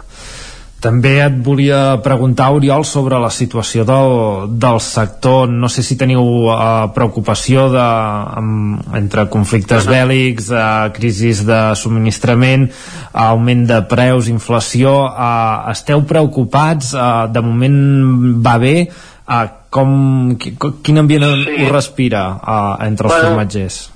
Sí, la situació et diria que és eh, gairebé dramàtica, dramàtica perquè ja des del el sector productor de llet doncs, està patint moltíssim, moltíssim tota aquesta pujada de, de costos d'alimentació, també costos energètics, amb el qual eh, nosaltres els formatgers ens està obligant a ajudar-los amb preus més alts de la llet, perquè si no els ramaders haurien de plegar, amb aquests preus més alts a nosaltres pues, evidentment se'ns pugen molt els costos de producció dels formatges, són costos que després no podem repercutir no el preu de venda i ens està fent complicat doncs, eh, poder-te guanyar la vida amb aquest negoci, però gràcies a Déu eh, el públic català és un públic molt gourmet a l'hora de menjar i, i, i, i la sort que tenim és que tenim garantit que formatge en continuarem venent eh, amb, amb major o menor marge de benefici però, però el continuarem venent i això és l'important uh -huh. continuar fent formatges bons que agradin i si aquest any doncs, no és difícil eh, guanyar diners però ens podem mantindre, doncs un altre any ja anirà més bé. Uh, molt bé, veig que us manteniu optimistes tot i, tot i la situació o almenys de, de resistir Sí, sí, és una mica una barreja de les dues coses, és a dir, eh, com que sabem que hem de resistir, doncs agafem-ho amb, amb optimisme, no? que al final eh, la millor manera d'afrontar els problemes és, és amb, amb, amb optimisme perquè si, si ens hi fem mala sang doncs eh, no, anirem, no ens en sortirem d'aquesta no? i hem de ser conscients de que la situació és difícil però hem de ser creatius eh, optimistes i, i buscar doncs, aquelles eh, oportunitats allà on, allà on sortim eh, ens estan escoltant gent del Vallès Oriental, del Ripollès, eh, més enllà de, de la gent de Vic i, i d'Osona i, i del Moianès que, que potser ja tenen més a prop el, el Làctium, eh, a on us poden trobar aquest cap de setmana? El, a nosaltres com, com a Montbrú? Eh, sí, a la fira, on, on, on estarà ubicada? La fira estarà ubicada al Parc Jaume Balmes, uh mhm. -huh. de Vic. Val. No sé si el, si el Allà, a prop de la catedral, diguem-ne. Correcte, correcte. Just una mica abans de la catedral, entrant pel barri del Remei, uh -huh. i allà és un parc preciós, penso que és un lloc eh, ideal, que al principi quan es va projectar la fira d'allà hi havia molts dubtes, però, però el lloc és, és preciós i dona molt de sí, i dintre del que és la fira, eh, el que és el Parc Jaume Balmes, doncs el tenim tot, tot ocupat, ocupat, ocupat de paradetes i nosaltres ens hi trobareu per allà al mig. D'acord, entre els 40 productors artesans de, de formatge que, que seran presents a, a la cita. Correcte. Molt bé, doncs Oriol, moltes gràcies per explicar-nos uh, una mica uh, la fira des de la perspectiva de, dels productors, que és el que volíem conèixer avui aquí al Territori Sostenible. Un plaer explicar-ho i convidem a tothom a, a passar pel Làctium a, a Vic aquest cap de setmana. Nosaltres us deixem amb els companys del Territori 17 que continuaran explicant l'actualitat local dels nostres pobles i comarques. Sens dubte, Vic acull el Làctium aquest cap de setmana amb una quarantena de productors formatgers, molts d'ells de la comarca d'Osona, perquè a Osona, com el Vallès, com el Ripollès, també hi ha molt productor de formatge. Avui ens hem fixat en aquest cas, en el cas de la formatgeria Montbrú de, de Mollà, del Moianès, en aquest territori sostenible. Com dèiem, tots aquests productes de formatge artesà i d'alta qualitat els podrem trobar aquest cada setmana a la Fira del Formatge Artesà de Catalunya, que se celebra a Vic, al Làctium, amb diverses activitats, com bé comentava ara tant en Jordi Givert i l'Oriol Antonès de, de Montbrú en aquesta secció, el territori sostenible. Farem una pausa tot seguit al territori 17 Ara que falten 4 minuts perquè siguin dos quarts de 12 i acabarem el programa com cada dimecres, eh, repassant l'agenda no van sense passar per l'R3, per la secció que cada dia ens acosta l'Isaac Muntades amb cròniques dels usuaris, dels oferts usuaris del nostre tren de cada dia el que passa per la línia R3 i amb aquesta notícia que afecta totes les línies de, de Rodalies, de l'aparició d'aquest nou col·lectiu de Batec que proposa el no pagament, el no comprar bitllets com a protesta per la manca d'inversions a la xarxa ferroviària catalana.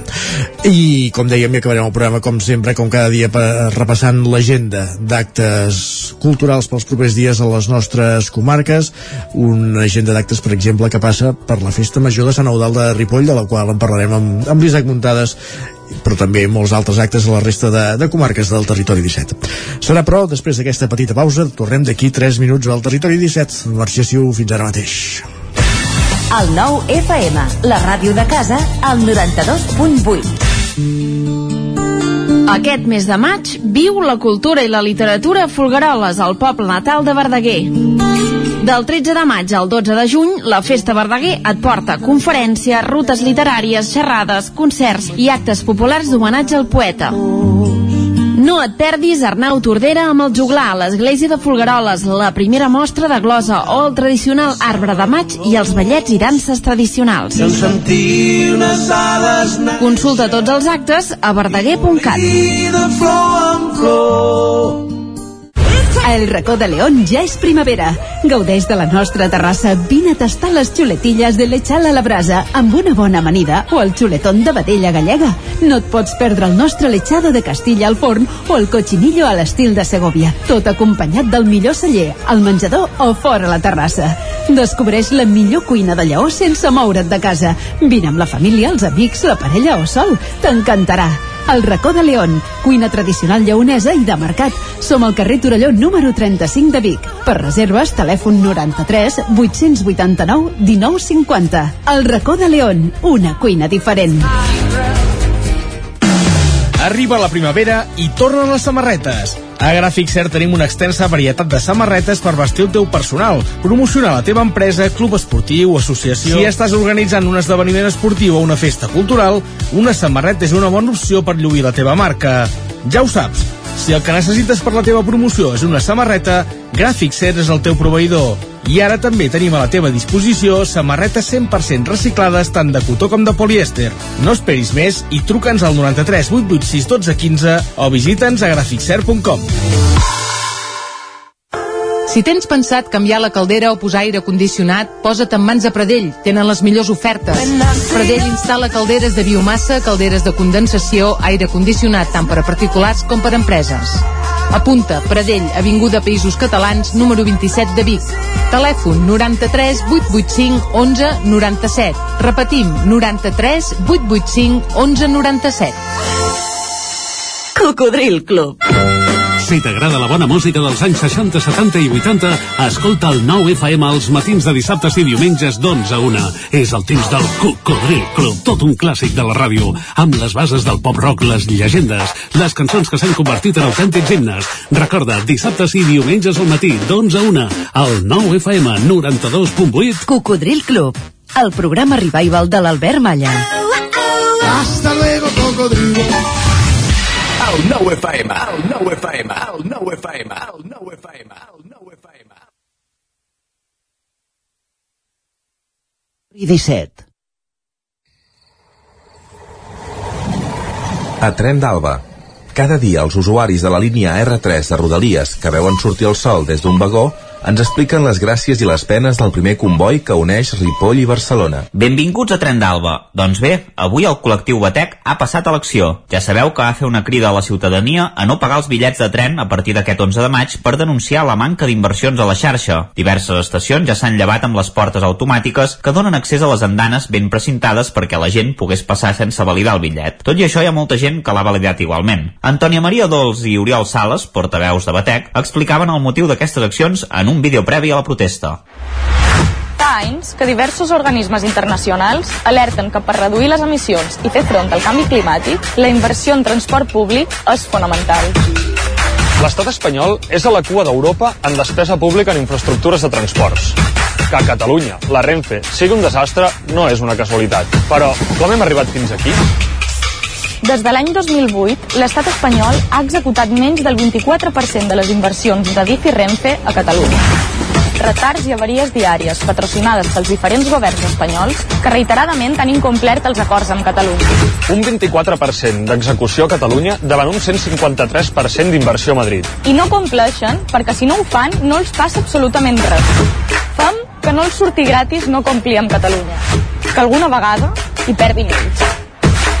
Fins que els de Madrid no paguin, No paguis. no paguem.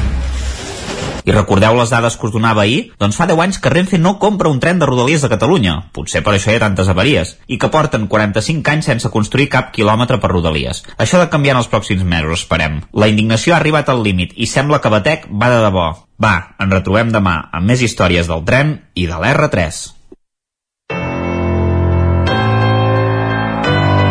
Territori, Territori 17. 17. Territori 17.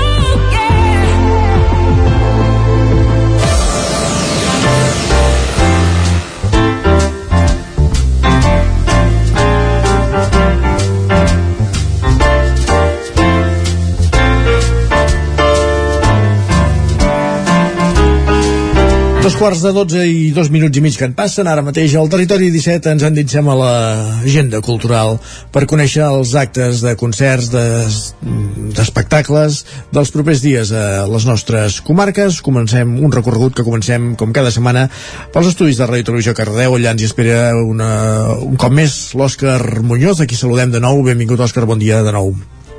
Bon dia de nou. Com tenim el cap de setmana, culturalment parlant? Doncs el tenim molt carregat de- d'actes, uh -huh. a part de, de tot el que vindrà aquí a Cardedeu, que ja ho comentarem dissabte, eh, divendres, però doncs si comencem el repàs, dimecres a dos quarts de sis de la tarda hi haurà la tertúlia literària a la Biblioteca Mar de Vilalba amb la Mercè Ibarz, que presentarà el seu nou llibre Tríptic de la Terra. És l'obra de tota una vida, doncs això la presentaran a la biblioteca dimecres a dos quarts de sis. Molt bé. Divendres a les 7 del vespre hi haurà la presentació de l'exposició d'en Ricard Jaldó al Montseny a l'espai Carles Acmor, exposició que es podrà visitar fins al 27 de maig. Dissabte a dos quarts de set de la tarda eh, visita guiada al Teatre Auditori de Cardedeu de l'exposició Trencadís a càrrec del propi autor, del Pep Valls doncs serà una ocasió única per conèixer el procés creatiu d'aquest artista i de l'obra de Trencadís. Això dissabte a dos quarts de set al Teatre Auditori de Cardedeu. I acabem eh, dissabte a les 8 del vespre i diumenge a les 6, doble funció al Teatre Auditori de Cardedeu, s'hi podrà veure l'espectacle La Fonda, a càrrec de la companyia de teatre 10 de 10 Teatre, una obra que tracta del pas del temps de nou personatges que conviuen en una fonda. Això seria, doncs, els actes culturals d'aquí Cardedeu. Uh -huh. Ara ens anem a Llinars. Dissabte hi haurà la trobada gegantera del bestiari i de foc, amb les colles convidades de les poblacions de Calvià, Navarcles, l'Esquirol, Premià de Dalt, Sant Feliu de Guíxols i Mataró, i el bestiari doncs, de Santa Margarida i els Monjos, de Riells i Viabrea, i Palau Solità i Plegamans. Això doncs, serà el dissabte durant tot el matí a Llinars del Vallès i després a dos quarts d'onze acabaria la jornada amb el concert de la banda dels Damer aquesta colla doncs, que em, té un nom així de, de cervesa no? de la DAM doncs seran els encarregats de tancar aquesta, aquesta trobada organitzada per la colla gegantera La Patufa i els Diables de la Piula de, la Junta, de, de Llinars del Vallès. I diumenge, do, diumenge no pararem de ballar, ja que a dos quarts de dotze hi haurà la ballada eh, de l'Esbar d'Ensaire de Llinars amb colles convidades dins de la trentena eh, trobada de colles, que hi haurà també les de la colla de l'Atmella del Vallès i de Montmeló, a part de la de Llinars. I acabem a Granollers, així apuntem amb divendres hi haurà eh, l'espai Gra juvenil hi haurà escenari obert per tota aquesta gent doncs, que vulgui tenir el seu moment dalt d'un escenari i doncs, mostrar la seva obra que hagi pogut fer eh, divendres a les 8 hi ha escenari obert a Granollers i diumenge acabem a l'Auditori de Granollers amb el concert familiar Beethoven que em sents? La sinfonia doncs, pastoral de Beethoven amb l'orquestra de cambra de Granollers i la llengua de signes que ens ensenyarà la Glòria Puertas, doncs tot això serà diumenge a dos quarts de sis al Teatre Auditori de Granollers per conèixer una miqueta més a Beethoven. Perfecte, doncs ens ho apuntem també. Moltes gràcies, Òscar. A vosaltres. Bon dimecres. Continuem aquest recorregut eh, una codinenca amb la Caral Campàs i amb aquest so de violoncels electrònics i, i, i bateria.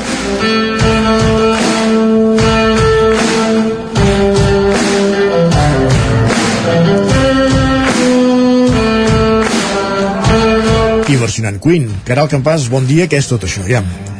Doncs mireu, comença el Festival de Música Clàssica 2022 a Vigas i Riells del Fai i aquesta que estem sentint és la primera de les actuacions eh, que proposa el programa. Serà aquest divendres al Parc de Can Badell a partir de les 8 del vespre i bé, sentirem els que estem sentint són els Let's Rock de Northern Cellos i són, com, com bé comentaves, violoncels, violoncels elèctrics i bateria i bé, aquest concert anirà acompanyat doncs, d'uns taloners, eh, l'Elio Menideta i el Sergio Carrascosa, eh, de l'Escola de Música de la Vall del Tenes, que farà, oferiran una actuació prèvia també. Uh, el Festival de Música Clàssica de Vigues i Riells del FAI doncs, comptarà també amb, amb actuacions el dissabte 21 de maig, el 28 de maig i el 29 de maig, que ja us anirem avançant pròximament també. Molt bé. Eh, I mireu, us comento altres propostes perquè tenim també força activitats a l'agenda cultural. En aquest cas me'n vaig cap a Caldes de Montbui. Aquí tenim una exposició que ofereix el Museu Termàlia, Mas Manolo Art i Vida, que ofereix la mirada fotogràfica de la Marta Pobo amb entrevistes de persones que van conèixer de primera mà a Manolo Hugué eh, i bé, eh, aquesta mm, autora, doncs aquesta fotògrafa Marta Pobo, a través de diferents entrevistes i, i fotografies doncs ofereix aquesta exposició al Museu Termàlia que, que es podrà veure fins al, al 31 de maig. I també tenim Uh, el Museu Termàlia ofereix una altra activitat aquest dissabte i és que el motiu del Dia Internacional dels Museus uh, ho celebraran amb l'activitat performativa records sonors de la Casa del G amb Pola Humedes les places són limitades i per això les persones interessades doncs, han d'enviar un correu electrònic a, al museu eh, i bé, per poder assistir doncs, a aquesta activitat performativa en motiu del Dia Internacional dels Museus aquí a Caldes de Montbui. I després també tenim eh, una presentació d'un llibre i una mostra de pintures a, a, a Caldes. Uh -huh. La presentació del llibre serà aquest dissabte al Centre Ateneu Democràtic i Progressista. Um, Roser Guiteres, ex, ex regidora d'Educació, eh, farà presentarà doncs, l'autor Francesc Ballester de, del llibre uh, L'arbre de la Roser uh, això serà, com deia, al Centre Ateneu Democràtic Progressista aquest dissabte a partir de les 7 de la vespre. I diumenge a Caldes també tenim um, una mostra, la inauguració de la mostra de pintures, fotografies i gravats Horacio Quiroga o El arte del cuento que, que bé es podrà veure fins al 29 de maig i, i que s'inaugura doncs, uh, oficialment aquest diumenge a partir de les 6 de la tarda també al Centre Ateneu Democràtic i Progressista, una mostra que també va estar a la Biblioteca de Caldes. Uh, Me'n vaig a Sant Feliu de Codines, uh, aquí tenim dues propostes, dues activitats. Una és aquest divendres, uh, i és que el rapsoda i tenorista Valentí Maimó uh, ofereix un espectacle singular, es posa a la pell del poeta Jacint Verdaguer, uh, que parla, doncs, i parla de, de la seva vida, de la vida de Verdaguer, uh, i de manera doncs, força emocionant fa fa un recorregut pels poemes del Fulgarolenc. Um, aquesta activitat doncs, hi pot assistir tothom, tothom qui vulgui amb, amb entrada invertida eh? a la voluntat. Serà aquest divendres a partir de les quarts de vuit del vespre i fins les 9 del vespre al Centre Cívic eh, La Fonteta és una activitat organitzada mm, per Òmnium Cultural. Després, activitat important també, aquest eh, diumenge a la Fira del Rellotge, us en donaré més detalls el divendres també a l'agenda d'oci, però ja us la menciono, a 26a edició de la Fira del Rellotge, i eh, acabaria el repàs de l'agenda cultural amb diverses activitats que tenim al Moianès força interessants.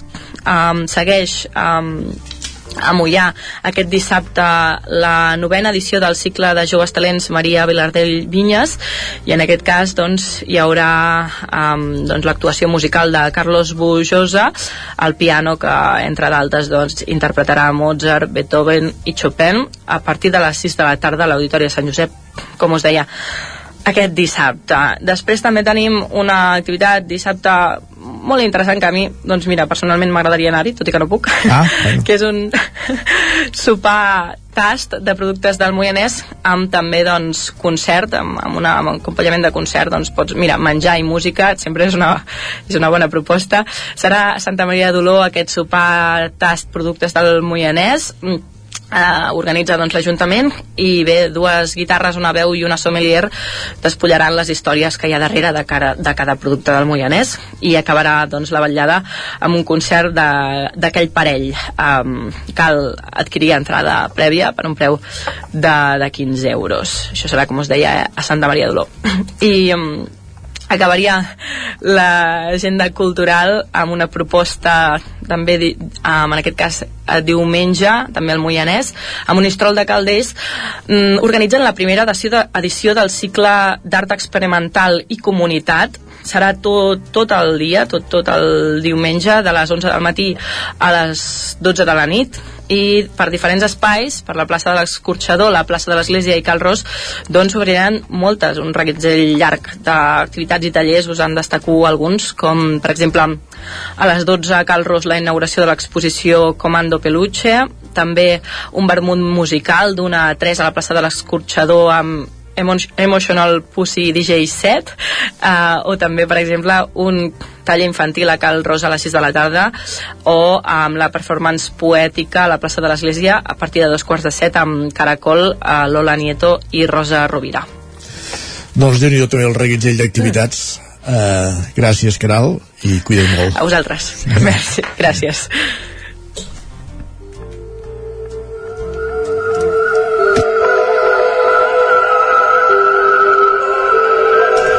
I així ens anem cap, a, cap al Ripollès.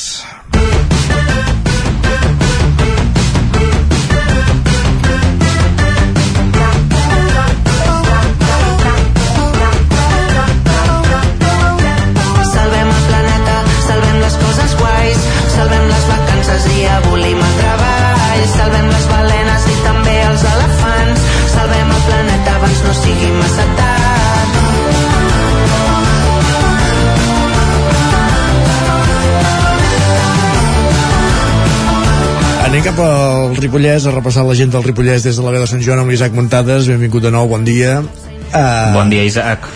I que estem escoltant un cantautor garrotxí que aquest cap de setmana actua al Ripollès, a Camprodon, per ser més exactes, oi? Exacte, no va gaire, gaire lluny, eh, en Joan Colomo. Uh, dissabte recordeu que arranca el festival Microclima de Camprodon i, i serà Joan Colomo. Uh, L'indret escollit, ja sabeu que el microclima doncs, es va desplaçant per diverses uh, zones de, del municipi i aquest cop se, se, se, se n'afegeix una de nova que és aquesta zona de Sant Miquel de Cavallera de, de Camprodon eh, per començar doncs, aquesta cinquena edició del microclima que ens portarà un concert cada setmana. Tindrem en Joan Colom amb un format íntim i solitari i el cantant Ballesà doncs, interpretarà cançons de disc trist, que és el seu darrer treball, i també algun de, dels seus temes més icònics.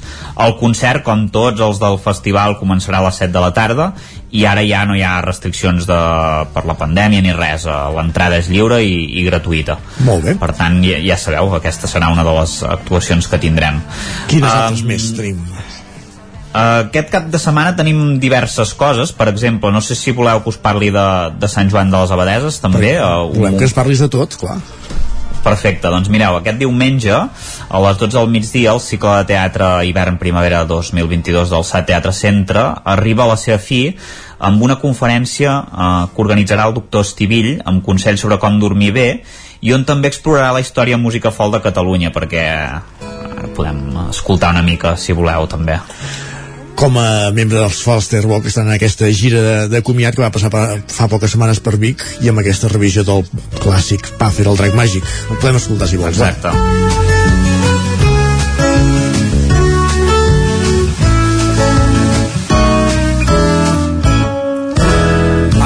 era un drac màgic que vivia al fons del mar però sol s'avorria molt sortia a jugar. Però no ve a cantar, eh? El doctor Estivill dius ve a xerrar diumenge.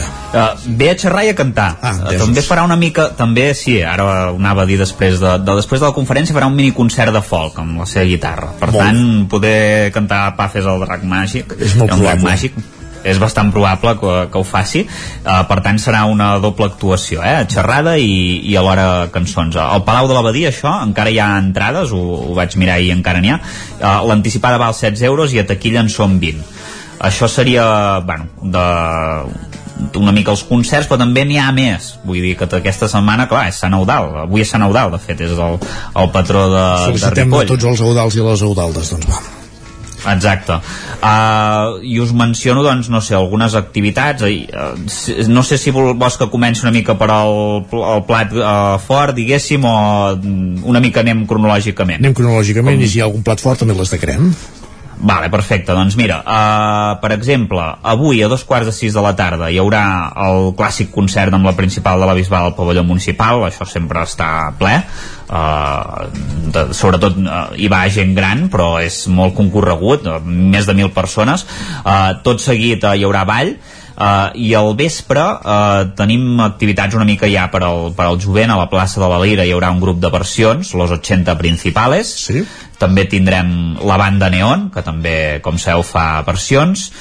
Uh, i un DJ local. I l'endemà hi haurà vermut musical amb Marina Prat a les 12 del migdia a la plaça de Santa Eudal i al vespre tornarem a tenir grup de versions amb Sicut a la Lira a partir de les 11 i dos DJs locals i el plat fort, eh, els plats forts diguéssim, eh, venen el dissabte eh, el divendres, perdó, el vespre i el dissabte. Eh, divendres eh, tindrem primer l'orquestra Maribel amb grup de versions Uh, això serà a les 11 i a la 1 probablement al cap de cartell d'aquesta festa major de Sant Eudal uh, Los Mojinos Escocios Clar, si d'això en diem cap de cartell si en d'això en diem cap de cartell l'any 2022 uh, l'any 99 que sí, quan vaig anar a veure jo uh, no sé si el 99 eh, però per allà a Ripoll llavors què devien ser? En fi, bàsicament és, és com una mica de, de retro, no, aquest concert de, de fer un retrocés en el temps important, no?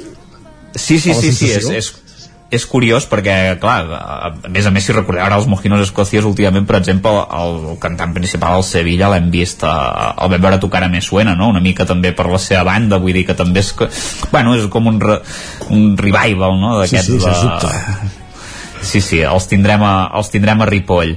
Uh, no sé, també dir-vos que hi ha algun altre concert important el, el dissabte tenim Smoking Souls, que són un grup valencià, a, uh -huh. a les 11 també, a la, a la plaça de la Lira. I vull dir que hi ha, hi ha, hi ha molts grups de versions, molts DJs i, i un cap de cartell, diguéssim, per cada dia.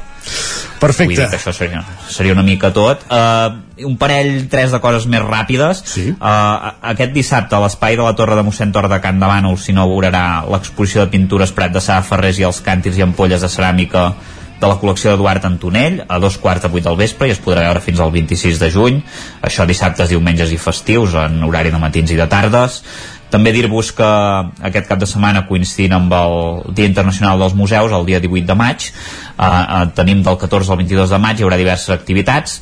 Per començar, el 14 i 15 i 18 l'entrada serà gratuïta, això en el Museu Etnogràfic de Ripoll, i el dissabte es farà la nit dels museus amb una visita guiada a les 8 del vespre a l'escriptòrium i també es farà el taller Fes de monjo copista uh Mhm. -huh. i bàsicament el dia 21 a la, de 5 a 7 de la tarda a l'exterior del museu hi haurà el taller La llana com a recurs i no com a residu. Anem carregats eh, aquesta setmana. Això és. Això bàsicament, bàsicament és tot, però també opaca una mica en el bon sentit la festa major de, de Sant Eudal.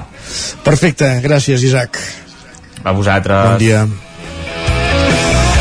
I acabem aquesta agenda, aquest recorregut de l'agenda cultural a les nostres comarques a Osona, el 9 FM amb en Jordi Vilarrodà. Benvingut, Jordi. Hola, bon Ara dia. Ara l'Isaac que aquests concerts dels Mojinos Escocios en transporten uns quants anys enrere, eh? Uns quants anys enrere... Perquè, de fet, val a dir-ho, l'únic cop que he vist els Mojinos ha estat a, a Ripoll amb una festa major. Vull dir Em que... sembla que érem en el mateix concert, eh, perquè Servidor també els va veure una vegada a la vida a Ripoll eh, pavelló. potser fa uns 20 anys perquè estem parlant d'un grup que diguem que, eh, que, que porta aquest recorregut i més, jo diria que deu portar una trentena d'anys en escena aproximadament i, i, i crec que més o menys les aportacions musicals eh, que vam veure nosaltres fa 20 anys i les d'ara, a veure, que tampoc la cosa no ha evolucionat gaire des de llavors eh? vull dir que eh, Deu ser això. em sembla que també, també és, podem dir això sense ofendre ningú. Exacte.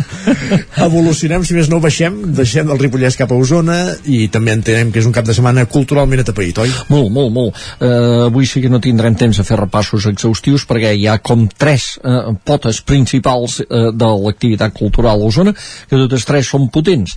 Començarem per una d'elles, que és continuació, perquè és continuació del Festival de Jazz de Vic. El Festival de Jazz viu dos caps de setmana, diem, i aquest serà el segon i últim, eh, que de fet començarà amb el primer concert aquest dijous, que és mm, pròpiament usonenc també, perquè és el, els Nucli Trio, aquest trio de, de, de, de músics de jazz liderats per, per, per en David Vinyoles al bateria usonencs, que van convidant artistes a passar per la cava i tocar amb ells, en aquest cas serà amb el trompetista David Pastor, valencià, que és un gran trompetista, un gran jazzman, eh, és l'únic concert propi usonenc del festival, eh, aquest dijous, però després el cap de setmana diríem que està marcat per la presència internacional, pel jazz internacional, començant ja pel divendres a la Jazz Cava amb una bateria d'origen coreà però fincada a Europa, que és la Sun Mi Hong, és una de les músiques interessants, eh, més interessants de l'escena europea en aquests moments, eh, que arriba doncs amb un quartet de músics, eh, també en, a nivell internacional. Ja sabeu que el Festival de Jazz sempre té de referència el jazz nòrdic, doncs tindrem el contrabaixista norec Peter Elt liderant un, també un quartet de músics eh, estan radicats a Berlín però són d'origen eh, nòrdic més aviat tots eh, eh, alguns dels quals ja els havíem vist aquí amb les seves bandes pròpies o amb altres projectes. Això serà el dissabte també a la Jazz Cava una altra d'aquelles nits de jazz de la cava i el diumenge acabarem amb la Big Band de l'Escola de Música de Vic al migdia i el septet de Lluc Casares del saxofonista i clarinetista Lluís Lluc Casares a la tarda a l'escenari de fora, a l'escenari Alhambra del, del festival.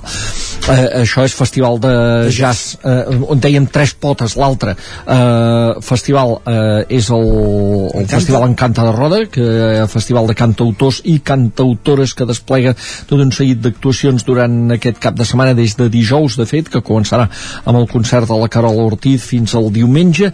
Eh, són, és un festival eh, molt interessant perquè veus propostes que no són les habituals dels cartells, o sigui, veurem, per exemple, tenen una atenció especial a l'escena basca, eh, propostes noves que, que no coneixem gaire, i, i després també algunes que sí que en sonen, evidentment, eh, les citem ara d'aquí, perquè són artistes d'aquí, per exemple, tindrem el divendres la Mireia Vives i en, i en Borja Penalba, o tindrem també eh, el, la, en, en el dissabte, la jornada del dissabte tindrem Inspira, o fins i tot diumenge anàvem a dir-ho, a culminar amb el petit de Calaril que fa un concert al, en el Museu de l'Esquerda, que el concert del diumenge doncs sempre és Però bonic. és dissabte, eh, la? Perdó, dissabte, dissabte, perdó. Diumenge sí, sí, tres sí, dones, sí. hi havia- Diumenge, diumenge, sí, sí, dissabte. Aquest concert del, de l'Esquerda, dèiem, és bonic perquè si el temps ho permet es fa fora, s'integra també en els actes del Dia dels Museus i és un, uh, un escenari original. Uh, uh, també fa aquesta funció, eh, de descobrir, de descobrir Espais. escenaris diferents a roda al, al festival. I el diumenge, el de la culminació, diguem, o no és ben bé de la culminació, però és la figura més, més coneguda del, del diumenge és la Gessamí Boada, que, que serà una de les actuacions, de les tres actuacions femenines que hi haurà el diumenge, que tancaran aquest festival Encanta, que, que ara, doncs, eh, en fi, eh, després d'haver passat temps també de limitacions i complicacions de fonaments per tornar a utilitzar tots els escenaris, inclosa la capella de la Mare del Sol del Pont i algunes que no es podien utilitzar per les restriccions de la Covid. Eh, anem a la tercera pota, Tercera, de, va. la tercera, que, que és el, la Festa Verdaguer de Folgueroles. Eh, aquí ja sabeu que parlem molt de les activitats d'arts escèniques i aquí hi ha de tot. El, eh, hi ha la festa tradicional, eh, la part de l'arbre de maig el dissabte, la part dels ballets i del tot el que hi ha diumenge, Fira de Llibre Vell, homenatge a Verdaguer, eh, conferència de l'Enric Gomà en aquest cas, i també té una part d'arts escèniques potent, per exemple, doncs, amb el dissabte amb l'actuació de l'Arnau Tordera amb aquest espectacle que fa en solitari que es diu El Jugolà mm, també sabeu que l'Arnau Tordera té una especial vinculació amb Verdaguer per haver fet aquell eh, Ombres i aquella òpera Ombres i Maduixes que es va estrenar a l'Atlàntida i també destacaríem perquè se li dona una preponderància especial doncs, a la cançó popular eh, destacaríem que el diumenge a la tarda als Jardins de Can Dax hi ha una mostra de glosa de folgueroles, de cançó popular que es diu Enfiladors de versos amb diferents glosadors, algun dels quals coneguts com per exemple Antitot que passarà també per Antitot, aquest escenari fent glosa, que també és una de les seves aficions. Més coses, a veure si tenim temps de dir-ne alguna dos més. minuts, sí. dos minuts, dos minuts, no, ara hem d'invertir un, si més no, per dir que hi ha eh, òpera a l'Atlàntida, que hi ha Rigoletto, una de les òperes més brillants, més conegudes i populars de Verdi, que passa el diumenge a l'Atlàntida, diumenge a les 6 de la tarda, en aquestes produccions que venen aquí tot sovint dels Amics de l'Òpera de Sabadell, amb l'Orquestra Simfònica del Vallès. L'òpera ja és una cita tradicional aquí a l'Atlàntida.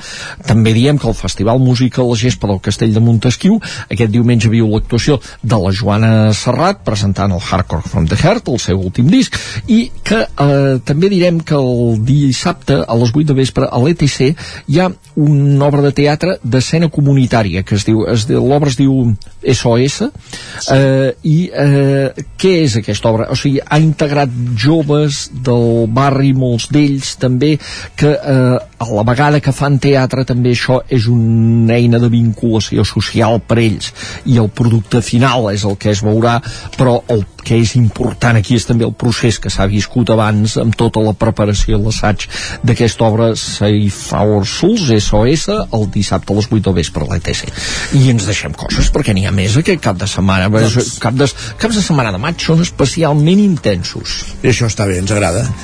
I una d'aquestes propostes que ens deies és la de la Joana Serrat a la gespa del Castell de Montresquieu, diumenge al migdia, i amb una de les seves cançons. Acabem l'agenda també. Gràcies, Jordi. Molt bé, gràcies. Bon dia.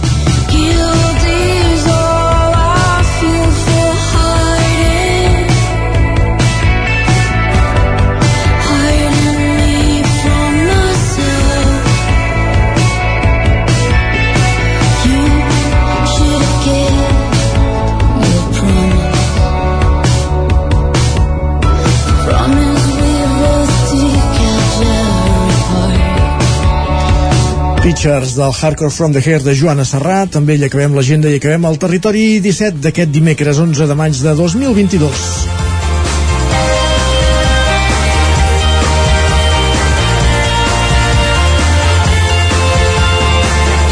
Us hem acompanyat des de les 9 del matí Pepa Costa, Guillem Freixa, Isaac Muntades, Guillem Sánchez, Òscar Muñoz, Marta Simón, Caral Campàs, Núria Lázaro, Jordi Givert, Jordi Vilarrodà, Jordi Sunyer i Isaac Moreno. I tornarem demà dijous a partir de les 9 a la mateixa hora, com sempre, aquí a la vostra sintonia, al Territori 17. Bon dimecres i gràcies per ser-hi. Adéu-siau. Territori 17, un magazín del nou FM. La veu de Sant Joan, Ona Codinenca i Ràdio Cardedeu amb el suport de la xarxa. El nou FM.